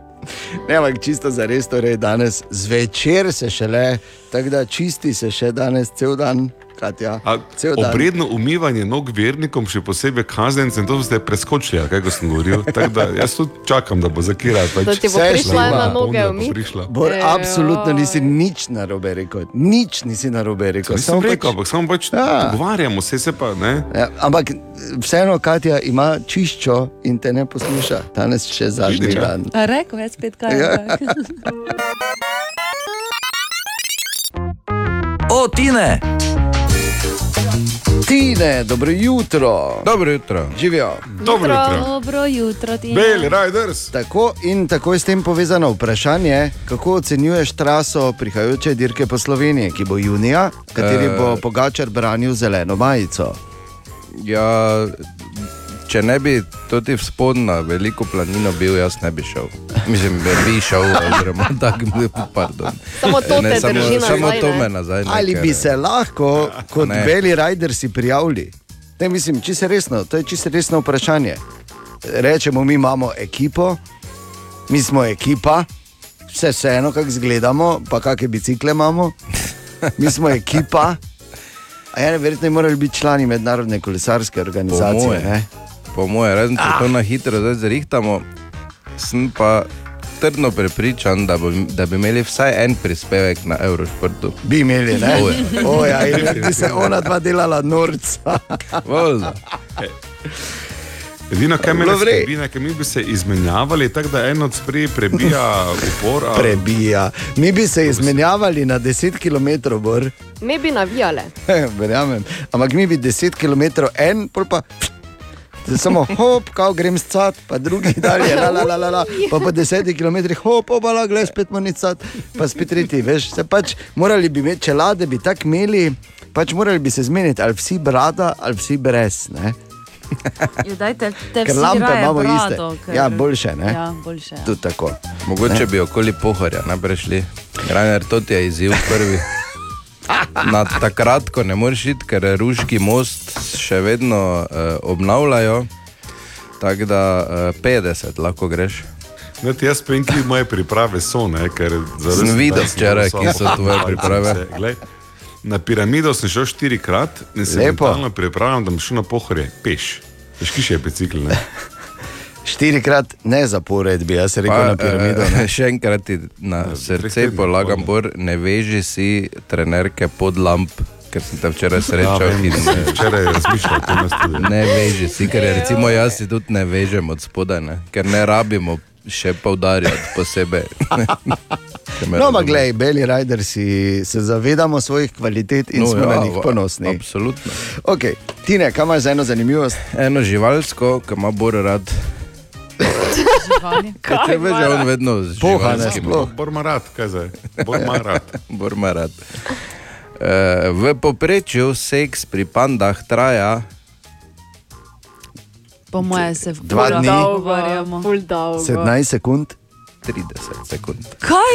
blizu. Ja, če veš, da so To se lenuhi, še to sem ne. Ja. da. Ja, no, Je seveda, ne. je pol pa takoj. Je tako rekel, pa že liže bambus. Ne? pa še Liže to, bambus. pa še to, Narobe. ker kot je rekel Tine, so bandele nuhi, je, gledajo, da je veš, rahli strmec dol, ne, da se veš, da inercija, ja, naredi gibanje, ko da, se dol. da ne rabiš še zraven. Dobro, dobro, do, ej, Aha, aha, aha, aha, aha, aha, aha efekt. Oziroma Grajnerovo. In danes. Danes zbor odgovarja na vprašanje Laure, ki sprašuje, kako je mogoče, da lahko klic v sili uporabimo oziroma kličemo tudi brez kartice SIM. Enostavno, SIM ni tehnična zahteva za vzpostavitev klica, ampak SIM preprosto pomeni Subscriber Identity Module, kar pomeni, da ti da digitalno identiteto za vzpostavljanje uh, recimo um, SMS-a, klica ali pa česar koli. Podatkovne povezave. Podatkovne povezave z tistim, ki mu to moraš plačati. Ja. Medtem ko pa nujni klici so pa po zakonu del omrežja v vsakem primeru. Kar pomeni, da nujni klici grejo mimo te SIM identifikacije, po teoriji. Se pravi, če bi jaz bil taki kralj hekerski, ne? skoraj sem že tam mimo grede. Ja. In bi jaz. Odgovor, samo, samo le, ustavi se, odgovor je da. Aha. Pa ne razlagamo tega. Da. A, ok, redi. Kak je zadovoljen. Veš, tak, to je tako, da. V bistvu je to zgodba o tem, da lahko tudi brez hlač enako hodiš kot za hlačami zunaj, ne? ampak na neki točki so nam pač rekli, da pač samo s hlačami lahko. Okay, tu imam drugo metaforo. Ne, ker pač, greš v mesto, pa nimaš v žepu osebne, pa vseeno lahko haraš po pošti.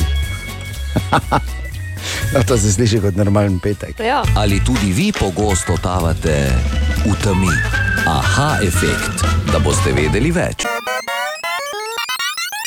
Narečja so zakon. Ha, kva, koga, kaj? Ma ne razumem. Da ne bi slučajno kdo mislil, da ni tako. Narečja so zakon in kaj smo na zadnje iskali. Fraz, dobro jutro. Dobro jutro. Bravo. Na zadnje smo iskali narečne verzije te povedi. V lopi neka ropota. Pozdravljeni, sem Anja, prihajam iz občine Duplek, v Huti nekaj ruži. Dober dan, sem Frančka iz Hučevja. V kostevskem narečju bi bila ta lepoved, v Kevdri nekaj rogljo. Sem Joško Šemen z velike polone, fajti nekaj ropoče. Zdravo, jaz sem Lara, sem iz Maribora, pri nas doma bi pa temu rekli v huti nekaj ruži. Zdravo, jaz sem rok, prihajam iz Vice, v Huti je nekaj družbo. Zdravo, tukaj je rok iz Maribora, pri nas bi potem rekli šupi nekaj ruži. Pozdravljeni, moje ime je Urška, v huti neka rošta. V tem tednu pa iščemo narečne verzije te povedi. Mačka je na podstrešju skotila pet mladičev. Kaj pravite vi trije? Spletanca, sprevajač in sram. Jaz okay. uh, sram. Hm. Jaz bi Ja, rekel jaz bi rekel čestitam. Ja, bravo, muca. Bravo, muca. Muca, Močka je, muca ima pet mladih. Ne, mislim, na podstrešju je pet mladih povrgla. Ne vem, kako kak, kak bi rekel to drugače. Močka Ja, močka. pet mačokov skotila. No, Nadila. to ti Kaj pa, če, kaj pa, če niso samo fantiki? Ja. Da niso samo mačoki, če so tudi Če so mice. vsi mačoke. Niso mice, Ne, tudi če je močka, pa moček, so vsi so mačoki. mačoke. Niso mice, guske.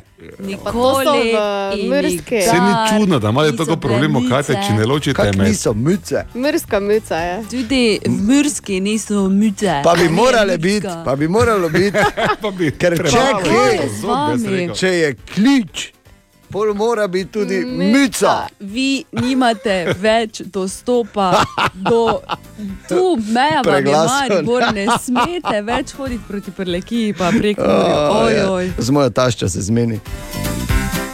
Samo rekel, Da ti se ja, ne, glej, jaz se bom poslal tja, glej, idi na čakovo, jaz več ne smem kao priti. A Verjemi, veš, kaj za da, da narediti? bo vesela na koncu. Vse bomo mi dve že zvedla. Okay. Ne, ne odstopamo, če imate ključ, morate imeti tudi mico. Tak. Grska. Marko, kaj si nam rekel v bistvu? Spletanca je spletka ali zmeda, sprevajač je spremljevalec, sram pa je spolovilo, kot veleva ta poved iz leta 1789. Na sram in golovto vrgo eno avčjo kožo. Mm. Ja. Okay. Ker včasih smo na sram ovče bili kože metali, preden smo šli na mice.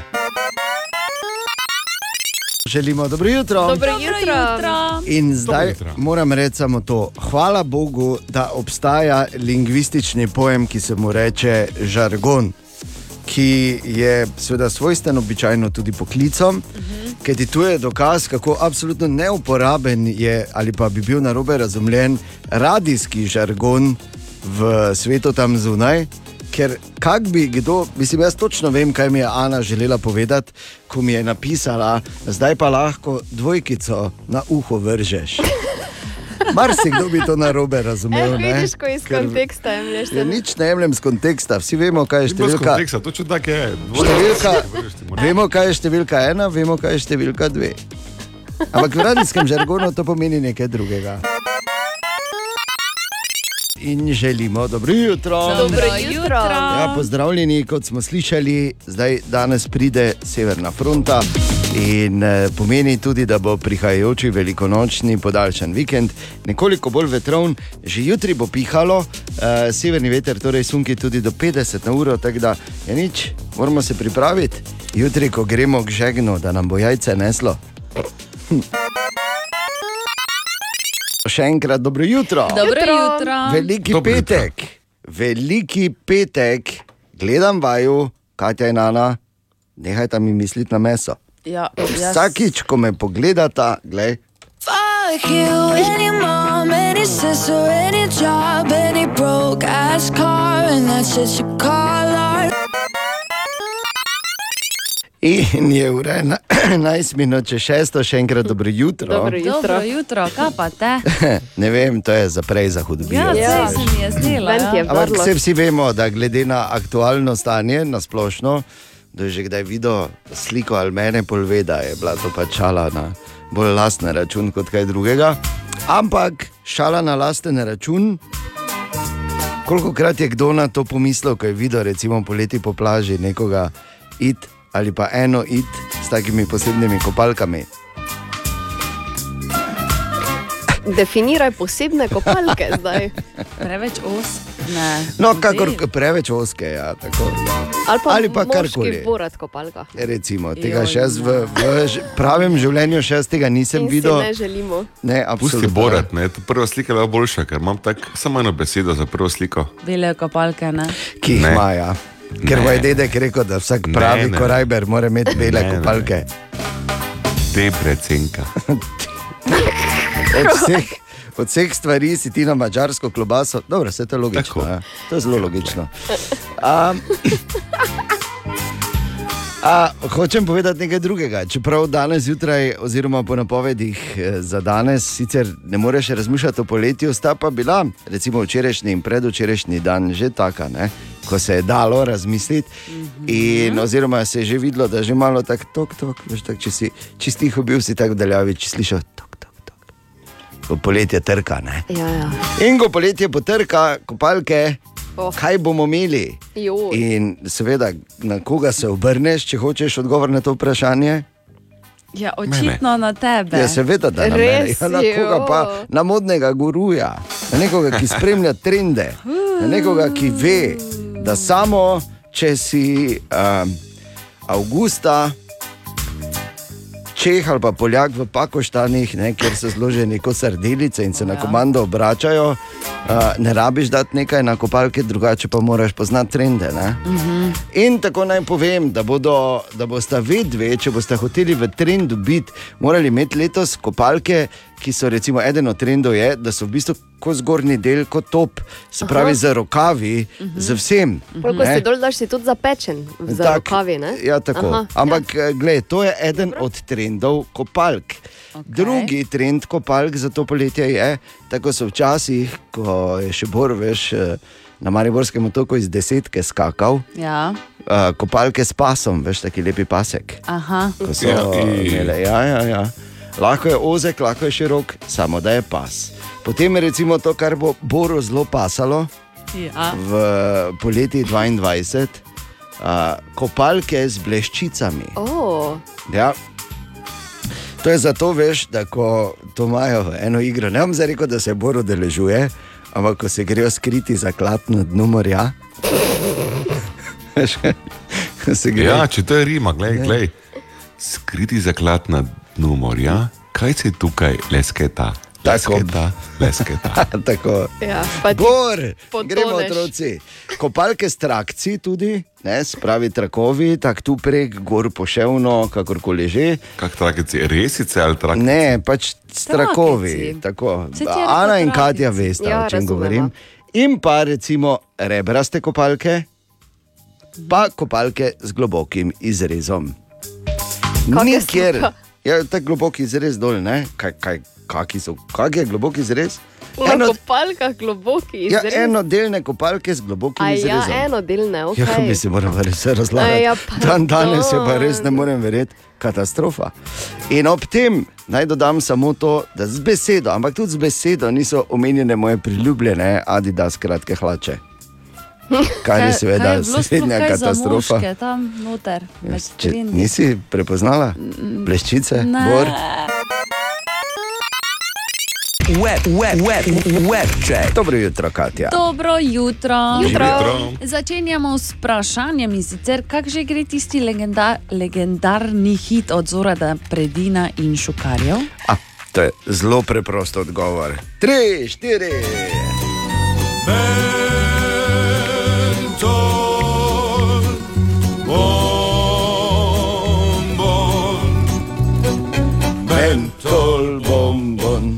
je ključ od srca naše i. Ilonke.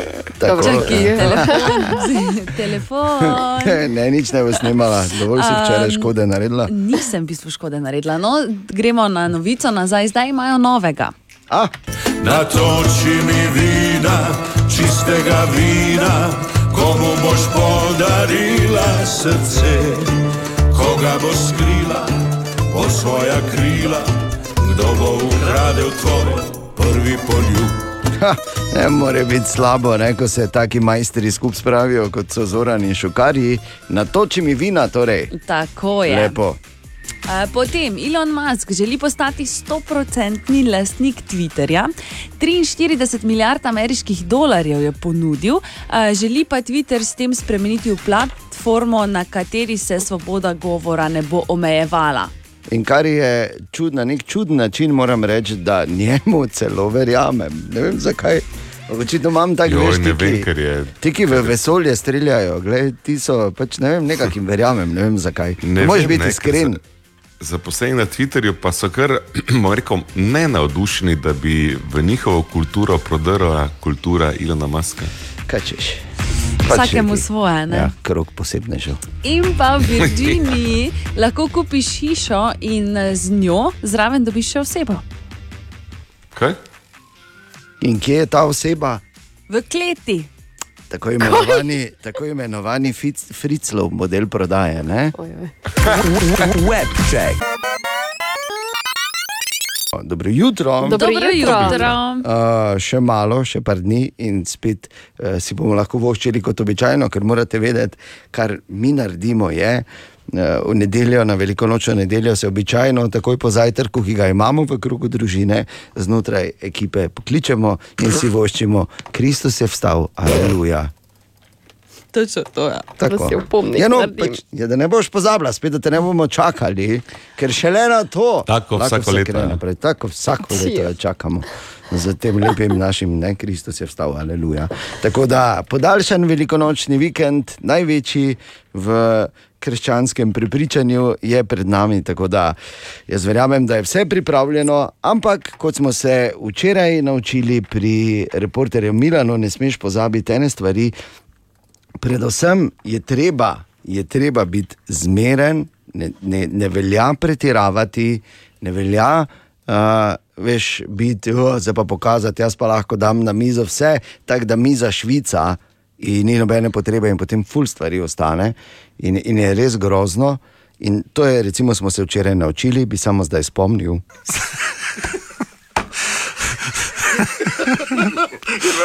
Ja. Spomnimo se, Jezus ni imel ribiške mreže, on je imel eno rado, pa je cela plaža jedla. Ne? In tako želimo dobro jutro. Dobro jutro. Dobro jutro. Dobro jutro. Danes je veliki petek, 15. april in naj vprašam. Naj vprašam, in to je mogoče tudi ena priložnost za debato zjutraj v, v pisarni, v službi, kjerkoli že. Ker je del čokoladnega zajca poješ najprej? Uhe. Ja. Uho. To je Kam hočeš drugam grizni? 99. grizejo vrit, Ana. Točno to sem hotel povedati, Bor. Ja. Vidiš, ne rabim ti. več nič razlagati, ker Hvala mislim, ti, res. mislim, da je zdaj Bor povedal vse, kar je imel za povedati. Razkril se Ja, je. točno to. Hotel sem tudi reči, veš, ker je lažje, ker je lepo na špic gori, ko je ne, končano dol se ti tako že zlama, pa lahko poliješ. Ja. Uh, uh, veš, ampak od spodaj, eni imajo pač dovolj velika usta, da lahko začnejo od spodaj, ne? ker spodaj je, vemo, širok. Skoraj nemogoče vprašanje.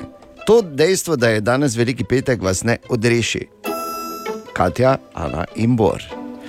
Torej, uh, tudi danes velja, uh, da je odgovor morda veliko bolj spektakularno, oziroma vprašanje veliko bolj spektakularno od odgovora, ali pač. Je pa dejstvo, da tudi danes vprašanje izvira iz statistike, narejene v Evropski uniji. Mhm. Ste pripravljeni, torej niste naenkrat postali mutasti? No. Me veseli. Seveda Ampak to je samo nivo koncentracije zdaj, ne? zato ta tišina med Tako, tako, tekmovalkama tako. in tako. tekmovalcem. Pazi, da bo danes se mi zdi, da imel tudi en izobraževalni moment. Kaj ti? 70 odstotkov žensk, kar pomeni 7 od 10 v Evropski uniji, meni, da moški izgleda absolutno bebavo oziroma butasto, če nosi to. Hlače Kaj na je korenček. Okay, Bor, če bi zdaj z prve trofo in glede na to, da je to vprašanje povezano po večini s ženskami, bi bili Mokasine. zaskrbljeni. Ne, niso Je pa mokasini. dobra ideja, Ana. I know. Niso mokasini. Pa So pač odobni čevlji, kam je, da bi jih drugače indijanci nosili. Ja, na golo nogo Ali bi ne. jih indijanci nosili? Dobro, čakajte, druga Jaz- debata. Jaz jih ne nosim, ampak pač pravim. Uh, čakaj, čakaj, čakaj, to, jakna z resicami. Kdo te to nosi, razen tebe, kot si za Herman okay, mora- Ja, Lederhaus Herman, ne samo Herman. No. Ana. Eh? Skrajšala se. Preveč oprijete, ne vem, majice, hlače, karkoli. Nope. Ja, vem, eh, navadne one kopalke spido. Ana, absolutno ne. Je, če to vidim. Torej, Res, to, to se ne nosi. Forma bele, se- samo če kdo ne ve. Take. Ja. torej, sedem od desetih žensk. Ja, torbico.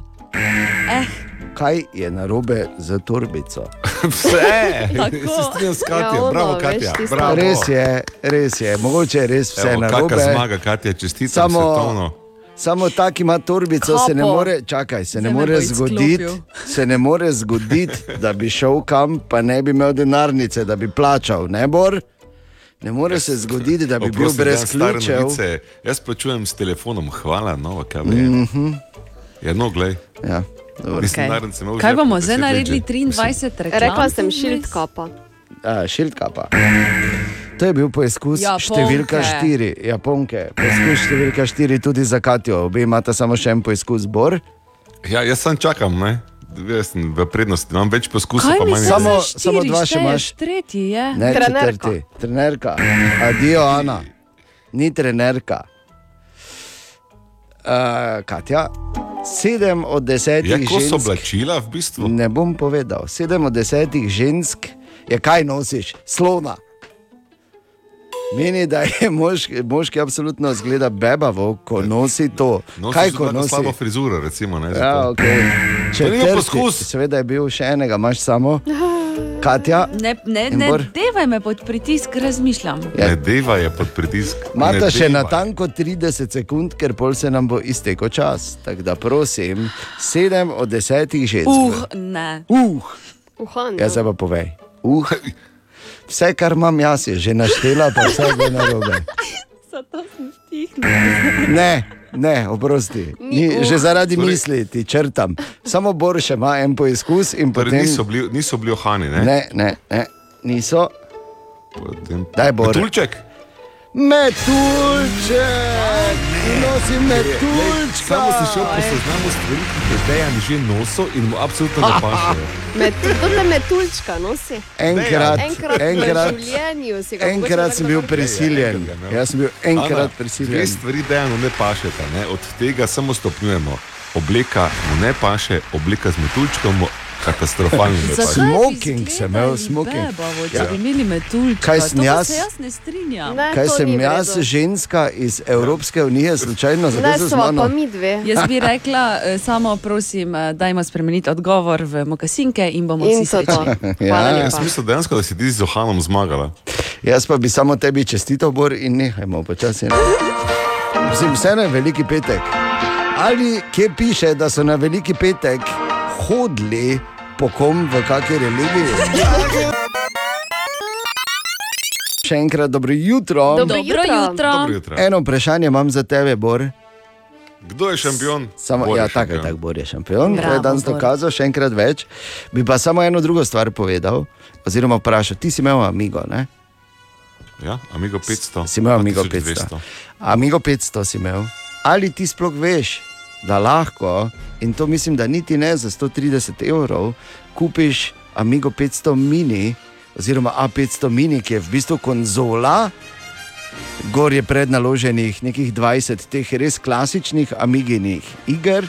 Ampak, če gor priključiš USB tipkovnico, lahko tudi normalno naložiš eh, stari Amigin software in spet uporabljaš Workbench in eh, delaš te grafične bravure tipa Max Headroom.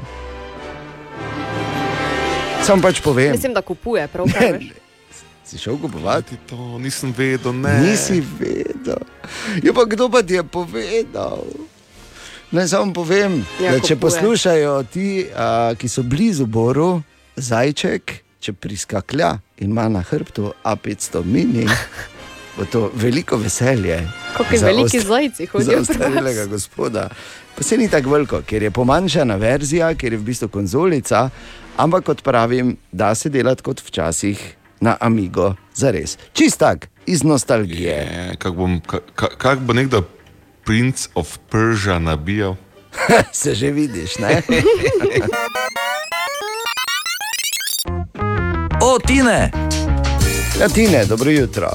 Dobro jutro. Seos. Dobro jutro. Zdravo. In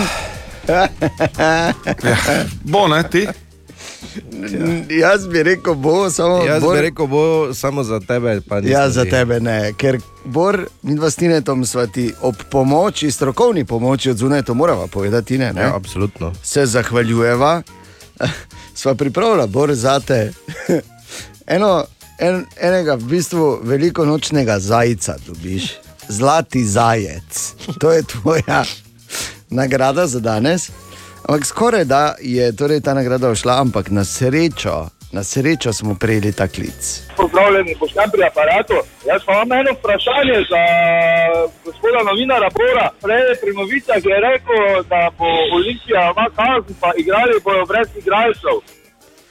In samo da preverimo, da preverimo, ali je to gospod novinar Bor res rekel. Največjo kazen zaradi nešportnega in neprimernega vedenja navijačev bo plačala Olimpija, ta tudi v soboto tekmo proti taboru igra za zaprtimi vrati, brez prisotnosti igralcev. tako, tako. Tekmo bodo mogli igrati brez igralcev. Zdaj je baklo. A, kaj pri nas. no. Še, še mala kazen. je. Ker močna kazen. Da igra, vi pa boste Trenera bosta sedela na klopi, oba dva in to je to. Zakaj oba? Se ja, samo Olimpija je dobila kazen brez igralcev, očitno. Taka kazen je, ne, kaj ti čem zdaj, kaj pa bakle mečejo. Dobro. Trga Tako da- stole, pa ograje. Ne boš se ven izvleko, ne boš se ven izvleko. Ja, dobro zmotil sem se, brez gledalcev. Ja, okay. Zlati zajec za Zlati gospoda zajec. novinarja Bora. Zdaj karkoli jaz rečem, ne morem. Ne. Ja, Te ne morem ne. prekašati. Tako da, glej, še mojega zajca ti dam. Bi pa samo vprašal ti, kako ti gre, rekel si, da boš danes imel dan brez mesa, kot se spodobi. Uh, ful sem planiral vse. Ja. Ja. Še mama je včeraj rekla, tebe nekaj, pa sem rekel, pa kaj te zdaj, se ne hin začne, en dan ne bomo mesa jedli, v redu Ja. ja. je, kaj zdaj. Je te pa si sam, sem rekel, bom si sam naredil, ko silo vrejo, ne rabiš ti nič kuhati.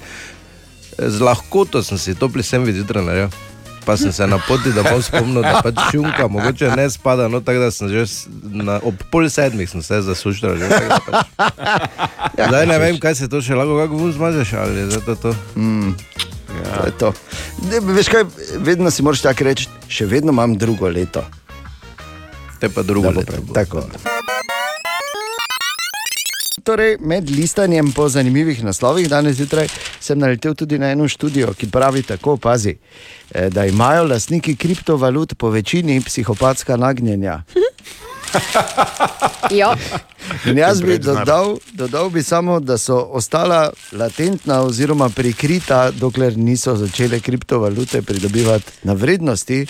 In potem tudi vidiš jakost, v bistvu je to tako, da bi imel nek nov vež za glasnost na radiju ali kjerkoli že, ker več so vredne, žž, grejo gor, ne, bolj so bolj izrazita, manj so vredne kriptovalute, žž, so manj izrazita, ne, psihopatska nagnjenja. Mhm. Ampak so pa definitivno. Želimo dobro jutro. Dobro jutro. Dobro jutro. Okay, podaljšan velikonočni vikend je pred nami. Marsikdo bo šel tudi kam, če ne drugače, družino obiskati na okolje in se veš, kako pravijo. Če ne poješ sedem žegnov, nimaš uh, objektivnega razloga, da te raznese. Pa, Ali nekako tako gre v koliko bistvu? jajc že smo rekli, sedem tudi, ne? Kar nekaj, ne? pač imaš. Pri jajcah pač eh, v vsakem primeru bi bil jaz konzervativen v imenu dobrih medčloveških odnosov. Človečki. Medčloveških. A, če pa slučajno odpotuješ eh, recimo na našo primorsko, v Koper, in si se vedno spraševal ali spraševal, kaj za vraga si oni tam dolje mislijo o tem, kakšni turisti smo mi. No, eh, smo bili tam, pa smo malo vprašali. Za mene ste super, kaj? Ja? Ja, nimam Pripomb? pripomb nobenih. Imate kakšne izkušnje s kom? Ne, Ne, ne. nobenih, nobenih, nobenih. Vse, Alles gut. alles gut je. Ja, pač eh, jaz tudi nimam neke pač izkušnje tako, ampak ja, so pač v redu, ni, ni problema tako. Ni problem. Ne vem, je Še kaj je hujše, ne? Ja. Super. Super. Super turisti. Ja, ste imeli kako srečanje s katerim? Pa, Ja, sem imel. pa kako se vam zdi? Kaj je? Super, odlični, odlični fanti. Samo to. Kaj, kaj bi? punce? Samo zamahnil z roko. Okay. Hvala lepa. Kakšni gostje, uh, veseli, Veseli. veseli, radoživi Aha, okay. in kulturni, po moje. Kulturni, ne ja, glasni. eh, glasni tudi lahko, evo. Kulturno glasni. Kulturno glasni, tako. Hvala ti. Čau. Kulturno glasni. Še. Kaj, živi so, kaj Živi. Popijo nekaj, pa je veselje. Kaj. Kakšni gostje? V redu, ja, kaj vam manjka? Nič, ne, ne, v redu, v redu, sveda v redu. Ja. Imate kako izkušnjo? Ne, ne, mislim, imam kolega, govor, normalno, mislim, zakaj, mislim. Ne, ne, štarci, veseljaki, v redu. Ja, ja. Ja, ja, v redu je. Ja, ne vem, odvisno od sebe do sebe. Pač normalno, tako kot vsi ljudje, eni zahtevni, drugače pa zelo, zelo tako hecni. Ne? In kar mi je to zelo, zelo všeč, so komunikativni. Evo, ravno sem se usedel v avto, da grem nazaj proti domu in uh, glede na slišano, res lahko potrdimo, torej, da mi na Štajerskem mi smo res v redu. Ne? Absolutno. In tako nas percepirajo. In to je samo še en pa mi dokaz več. Ja, veš, da smo pa mi. Mi smo pa res Kaj smo pa mi v redu? Kaj smo pa mi v redu, pa kaj si ti? ne? Katja, ti že Štajerska? Ne. Kak ne? Ja, jaz sem prlečka. Nehaj. To more je Štajerska, pa še prek. Dobra, mali in stari. Podcast jutranje ekipe.